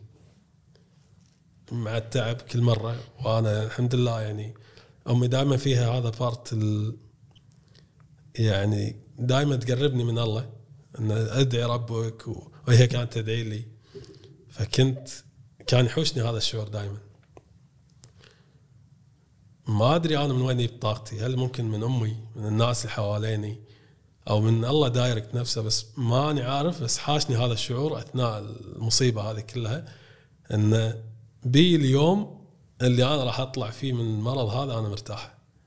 والحمد لله. يا اليوم الحمد لله. الحمد لله. الحمد الحمد لله. لله يعني الحكي الحين صار له بالضبط ثلاث سنين. إيه. يعني خلصت هذه القصة ب 2020 11 شهر 11 ف دائما أحمد ربي وهذه التجربة خلتني أتقرب أكثر من من ربي. يعني أنا وإن كنت مقصر قبل الحين صرت أقرب كنت أحاول أركز أكثر من الجانب الديني ان أنا أحمد ربي دائما على هالنعمة إنه هو خلاني أعدي المرحلة هذيك الصعبة وأنا الحين واقف على ريلي ثنتين بصحة وعافية الحمد لله. ف خلاني أقدر هذه النعم عرفت؟ اللي أحس بأشياء بسيطة شلون هي ممتعة. اقلها ان أنا قاعد أسولف معك الحين face to face هذه كانت يعني بالنسبة لي يعني تسوى الدنيا وما فيها يعني. الحمد لله. الحمد لله. أي والله. زين ومن ناحية شخصيتك شنو تحس إنه؟ أحس إني شوي كني نضجت يعني نضجت وايد صرت كني شوي شايب. عرفت؟ يعني صرت أحاتي دير بالك لا تاكل هذا أكل هذا ولا إن لا تسوي شيء فلاني مضر بالصحة دير بالك. صرت شوي مو وسواس بس صار عندي وعي. عرفت؟ صرت أقدر الأشياء البسيطة هذه اللي ممكن تأثر عليك تخرب عليك. فصار فيني يعني وعي. إي هذا هذا ال part اللي أنا كان ناقصني قبل إن أنا أفهم الأشياء اللي ما كان لها داعي إن نسويها أشياء مضرة أشياء غير صحية هذه الأمور تفرق. فيعني شوي بشخصيتي أعطاني نوعا ما حكمة بالحياة إن أنا أفهم إن لازم تقدر أول شيء الناس حوالينك أهلك آه، أبسط الأشياء أبسط النعم. هذه الأمور ما كنت أحس فيها قبل سبحان الله الحين قمت أحس وأقدرها عرفتي؟ فيفرق يفرق وايد. زين في شيء قلته عن بارت الأهل دور الأهل والأصدقاء والربع. إيه إيه. هم يعني صدق يعني لو- أنا أول شيء بدون أمي كان الله يعلم الله أنا وين الحين. ويخليها. اي الله يسلمك. أمي يعني كانت أساس استعادة صحتي هذا أكيد 100% و ودور أهلي كلهم وإخواني وربعي كلهم يعني وقفوا معي وقفة شو أقول لك يعني لو أطلب الدنيا كلها ما راح ما راح ألقى نفسهم عرفتي؟ الله يحفظهم ويخليهم يسلمك. لك. الله فيهم إن شاء الله ويسلمك. فهذيلا يعني كانوا هم ال backbone على قولتهم آه، بالنسبة لي خلال, يعني قبل المرض وأثناء المرض وبعد المرض يعني الحمد لله يعني إحنا الحين كلنا نفسنا إحنا كلنا مع بعض و ودائما إن شاء الله نكون على قلب واحد يعني لدرجة ان لو الحين واحد فيهم الله لا يقول لا سمح الله صار في موقف شيء تلقيني أنا أول واحد راح اكون واقف معاه لأنه ما راح انسى الموقف الجميل هذا. ف لا يعني خلاني حتى أحس بقيمة أهلي شلون وجودهم ساعات إحنا يعني ما نتواصل وياهم وايد ولا نقطع الدنيا تلهينا شوي بس هذه هذا الشيء خلاني أحس بقيمتهم وانه يعني هم يعني أي أحد عنده اهله والله يخليهم له إن شاء الله آه، يعني يقدر أو يحس بالدور هذا بوجودهم لأنه يعني هم نعمة نعمة من نعم الدنيا يعني ف الله يسهل ان شاء الله الله يحفظهم. ويحفظهم لنا إن شاء الله. آمين والله قاعدة أفكر إيش كثر دائما يعني كل حلقة مصاعب. شنو نتيجتها؟ أقول حكمة إنزين بس شنو اللي ينقذها؟ ناس شوف شلون الأمور يعني ماكو ماديات ولا شيء إيه ناس السند الربع الأصدقاء يقين. آه آه الأم دورها. آه ويعني قلنا هي part من ال support system وكذي. ويخليك آه فقرة الاستشعار بالنعم. أنا. شلون قلت إن حتى القهوة. أول كنت تمناها والزحمة اللي إحنا كلنا نكرهها. إيه آه يعني حتى أنا أفكر بحياتي في وايد أمور. ما أدري يعني أول ما كنت أستشعر فيها صح. آه واليوم يعني يقول لك الامتنان part of السعادة. إيه. وإحنا كلنا عبالنا إن الامتنان لازم شيء حيل كبير يصير ويانا على يعني عشان مثلا أحس إن أبوي أنا صدق بنعمة. صح. بس بس ترى هي الأمور الصغيرة لما نذكرها كل يوم ترى وايد يعني ما أدري أنا تساعدني وايد عرفت إيه. ف ما أدري وايد وايد يعني إيه. هذا ال part اللي أنا قلت لك من ساعة إنه ما كنت أحس فيه قبل قمت أحس فيه الحين فهذا شيء غير نظرتي حق الحياة صرت أستشعر هذه الأمور الصغيرة قمت أحس إنه حتى لو أنا قاعد بس كذي مو قاعد أسوي ولا شيء بس مع أهل وربع وإخوان كون قاعد معهم أنا بس مستانس عرفتي؟ حتى لو ما نسوي شيء أو حتى لو ما عندنا شيء نسوي كلش لا وناسه الحمد لله إحنا قاعدين كل واحد صحته موجودة ومتجمعين مع بعض كافي هو كله يقولون ما ما على الصحة والعافية فعلا بالضبط بالضبط أنا هذا. يعني يقولون عنه كليشيه انه لأنك أنت استشعرته بالضبط اي انه يعني كنا. كنا نسمعها وكنا إي. نستسهل إن ندري إن الصحة هي أهم شيء بس وقت الصجيه لا غير يعني أنت تفقدينها ما تتمني ولا شيء بالدنيا غير إنها ترد لك عرفتي؟ يعني كنت أتمنى إن أنا أوقف خمس دقائق أبي أوقف عريضه خمس دقائق. هذه يعني فرقت معي عرفت يعني حد ال... أيام المرض ما كنت أقدر أوقف ولا كنت أقدر حتى أتكلم هذه ال... هذا ال... اي يعني إي. هذا ال part يفرق زين شنو الرسالة اللي أنت ودك توجهها اليوم حق الناس اللي قاعد تسمع؟ الرسالة إذا بفكر إنه لازم يكون أول شيء عندنا وعي بالتعامل مع المرضى باختلاف أمراضهم. يعني أنا كان مرضي داخلي فما حد كان يحس فيه إلا أنا. فلما كنت أحاول آه، أوضح الصورة حق الدكاترة اللي عندي بالجامعة وكذي أو ربعي اللي أنا كنت شوي أبعد معاهم ما حد كان يقدر هذا البارت إن أنت والله مريض شلون نتعامل معاك؟ ولا أنت لما تقول لنا عذر إحنا شلون نتعامل معاه؟ فما كان هذا البارت موجود. آه، فأنا ودي إنه يوصل آه، يعني وعي أو ينتشر عندنا وعي بالتعامل مع المرضى بغض النظر عن أمراضهم شلون نتعامل معاه يعني ما أقول لك يعني لازم تدارينه وايد بس على الأقل قدري حسي إن هذا الانسان عنده حالة خاصة فأتعامل معاه على وضعه الخاص. آه، خاصة إذا كنت صاحب منصب أو مسؤولية ماسك شيء على أحد ف ما يصير تتعامل الكل نفس المعاملة. دام إذا عندك مثلا طلبة واحد منهم مريض فهذا له معاملة خاصة. ما يصير تعامله بالطلبة الباجي خاصة إذا كان الطلبة الباجي مثلا اللي يكذب واللي يرقع واللي يحاول يتهرب. فلما يكون عندك مريض فهذا غير وضع غير. الشيء الثاني آه، تعامل دكاترتنا مع المرض هني. يعني دكاترة الأطباء أنا حاكيك. يعني شوف شلون هذا الدكتور اللي زعل زعل علي وما يبي يسوي لي العملية وأنا بعز حاجتي. يعني هذا يبين لنا نوعا ما شلون الوضع الصحي عندنا بالكويت. يعني كنا يلخص لنا الوضع. ووايد حالات وايد ناس مرت بظروف يمكن أسوأ مني. ونحط بمواقف يمكن أخيس من كذي. يعني أنا الحمد لله انه كان عندي حل ثاني إن أنا أروح لندن.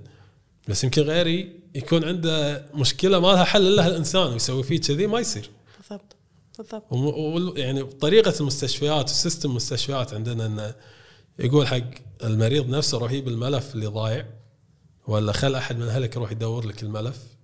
أو والله ما عندنا غرفة حقك نضطر ندق عليك. أشياء كذي. فإحنا نحتاج على الأقل لو نطور النظام الصحي عندنا مهما بأي شكل من الأشكال. فأنا أصلا خلال الفترة اللي أنا كنت أعالج فيها دخلات المستشفى كانت قلت لك وصلت توتلها كلها تقريبا 12 مرة أنا داش المستشفى 12 مرة أنا داش مستشفى خاص. فأنا قاعد ادفع من فلوسي. كل دخلة تقريبا فيها 2000 دينار أكثر من 2000 دينار. تجربتك هذه كلها كانت بالخاص؟ كل الدخلات اللي أنا قاعد أدش فيها مستشفى قاعد أدش فيها خاص. إلا آخر مرة اللي دكتورة جت قالت لي إنه خلاص نسوي لك عملية. كانت بالحكومة اللي هي كانت تخليني أزرق شوي. والباقي كان كله بالخاص.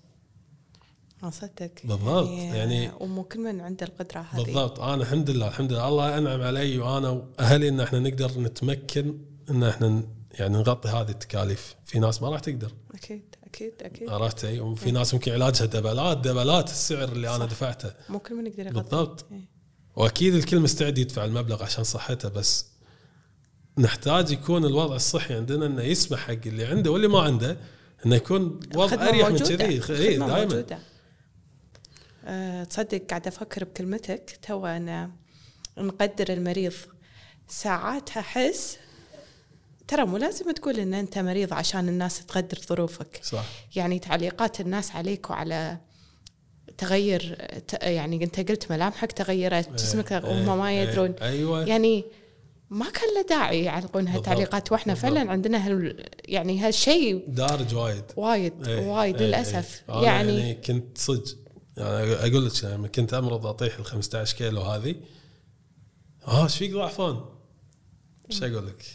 يعني أنا ضعفان لأني مريض. ما ودي أقول لك إن أنا مريض يعني بس ما كان داعي التعليق نفسه. أكيد. ولا إذا واحد متنان مثلا والله أنت ليش متنان؟ يعني ما تدري شنو ظروفه خاصة إذا ما كنت قريب منه اللي تدري هو إيش قاعد يمر فيه. إذا شخص بعيد عنك خلاص خله تعليق حق نفسك ما تحتاج إن أنت تعبر عنه يعني.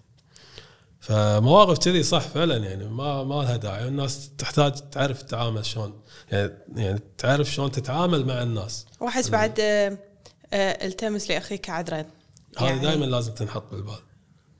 دائما يعني يعني لو أنا مو أهلي وربعي مقدرين هالظروف كان أنا هم ما أدري شنو يكون وضعي. اجتماعيا أنا تأثرت وايد خلال الفترة مالت المرض. ما أقول يعني خسرت علاقات بس خلاص الناس بلشت شوي تبتعد عني بسبه إن أنا لاهي بالمرض وتعبان فهذا أثر على علاقاتي بس مع ربعي القراب بالعكس شوف. شلون خلاني أتقرب منهم يمكن معنويا وعاطفيا أكثر من قبل عرفتي؟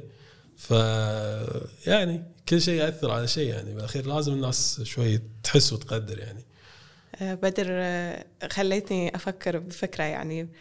كنت تفضفض حق ربعك عن اللي أنت تمر فيه ربعك القراب يعني هذا شيء متداول ودي أعرف كذي يعني إيه. من الفضول. آه اي بس مو الكل. مم.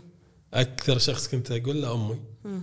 يعني كنت يعني تجي لي فترات أطيح عندها. خلاص يعني أبكي أقول لها إن أنا وضعي كيت كيت وأحتاج إنه أبي أبي صحتي. يعني على الأقل حتى لو أنا بس أستعيد صحتي عشان أقدر أوقف معك أنت إذا احتجتي شيء. أي. آه، أكثر شيء كنت آه، أسولف مع أمي خاصة إن هي أكثر واحدة شافتني بهالوضعية. آه، ربعي إي القراب ساعات. يشوفوني تعبان فكانوا وايد منهم خلاص عارفين وضعي يقدروني على على وضعي من غير لا يحتاج إن أنا أقول لهم شيء. وما ما خلوني يعني. أقول كان الاوقات اللي أدش فيها مستشفى أول ناس قاعدين هم. عيني ألقاهم. أرد انام وهم موجودين. كذي يعني. الحمد لله الحمد لله.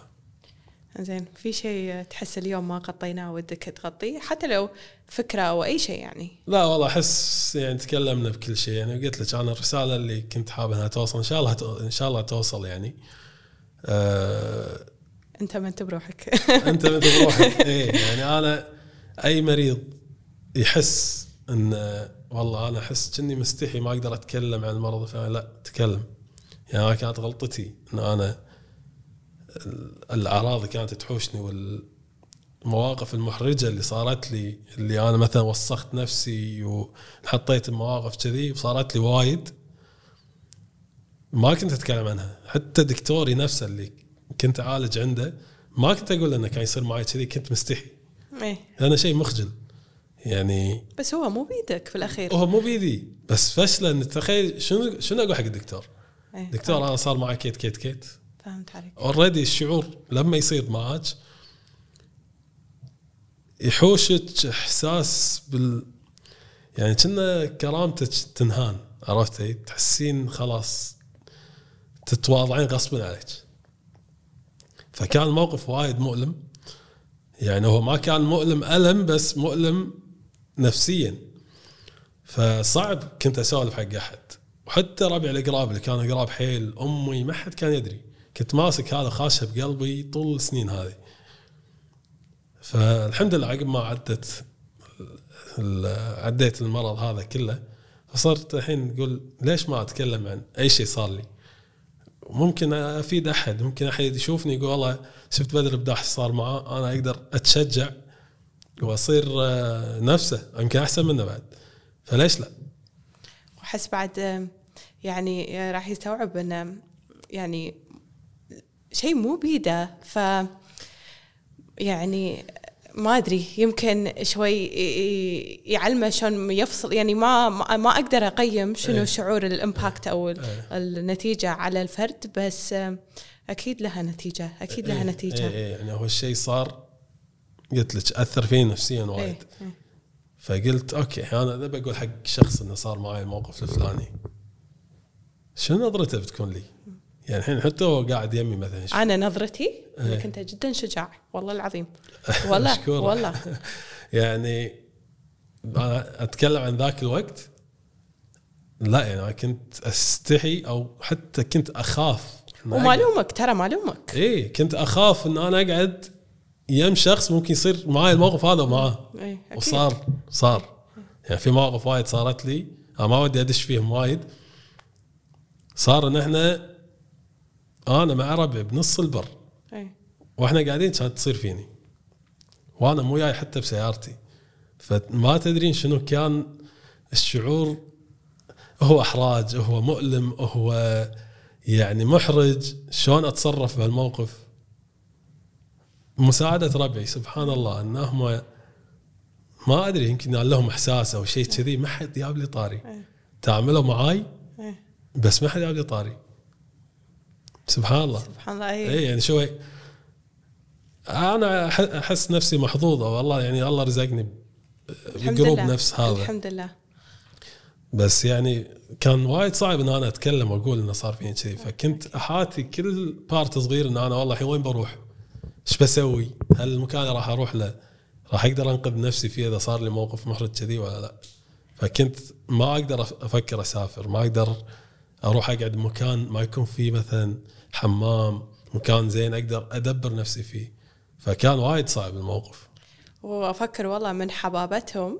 ويعني يعني فعلا ريايل يعني ما يبون حتى يضايقونك إيه. وبس يعني تصرفوا مع الموضوع تصرفوا ومشوها بشكل يعني ما كنت أقدر حتى أنا أقول لهم سووا كذي إيه، عرفتي؟ إيه، الله يعطيكم يعني العافية، الله إيه يجزاكم خير. الله يعطيهم العافية صدق يعني وخاصة انها كانت طلعت وناسه إيه. فجأة تغير صار في شيء غلط صاير فما قالوا إنه لا والله خلينا نقعد ليش قاعد تسوي كذي إيه. لا ماكو أبوي تفرق. تفرق هذه تفرق. تقدير الظروف على واحدة من المرات اللي أنا تعبت فيها ب 2015 كنا كنت توني طاب أمريكا رايح حق ربعي سياحة. أول يوم طاب كان يبلش معي المرض.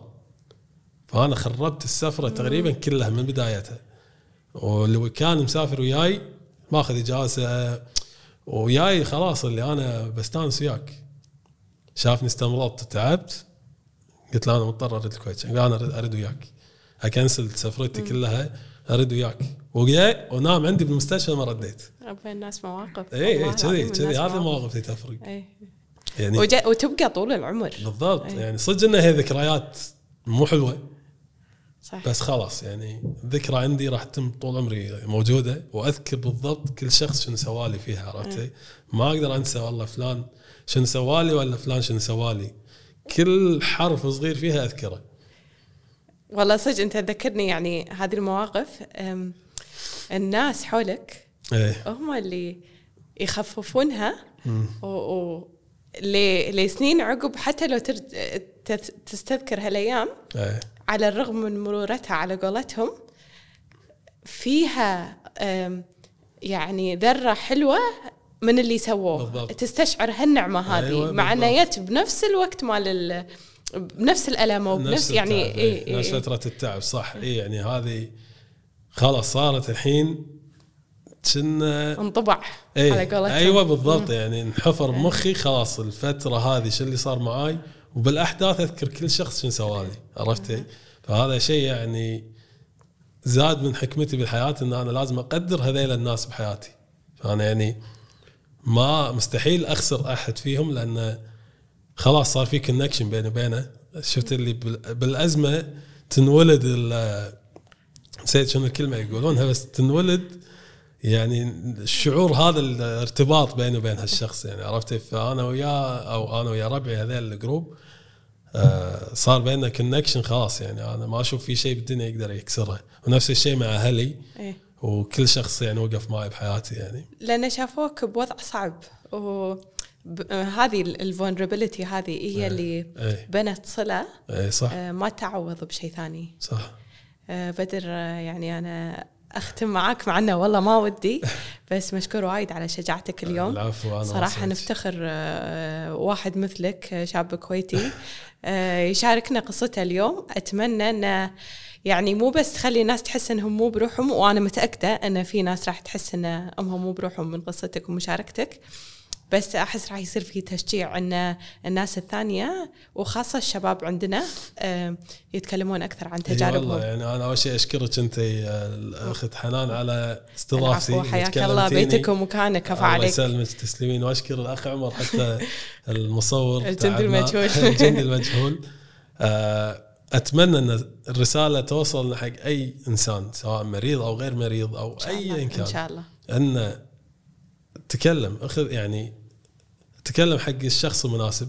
بالوقت ولا المناسب. تستحي إنك تلقى مساعدة حق أي مشكلة تواجهها لأن في ناس بهالدنيا راح توقف معك. والله راح يسخر لك إياها إذا كان عندك الإيمان هذا. صاج صاج والله أنا وياك. وإن شاء الله نكون يعني آه، الله يعطيك خفاف العافية. عليكم. والله والله وايد. استمتعت بالنقاش وياك. الله يسلمك ما قصرت. والله أنا أكثر. ما قصرت. آه ويعني تذكر ان أنت بروحك تسلم تسلم ما قصرت. يعافيك. موفق بدر يعطيك العافية.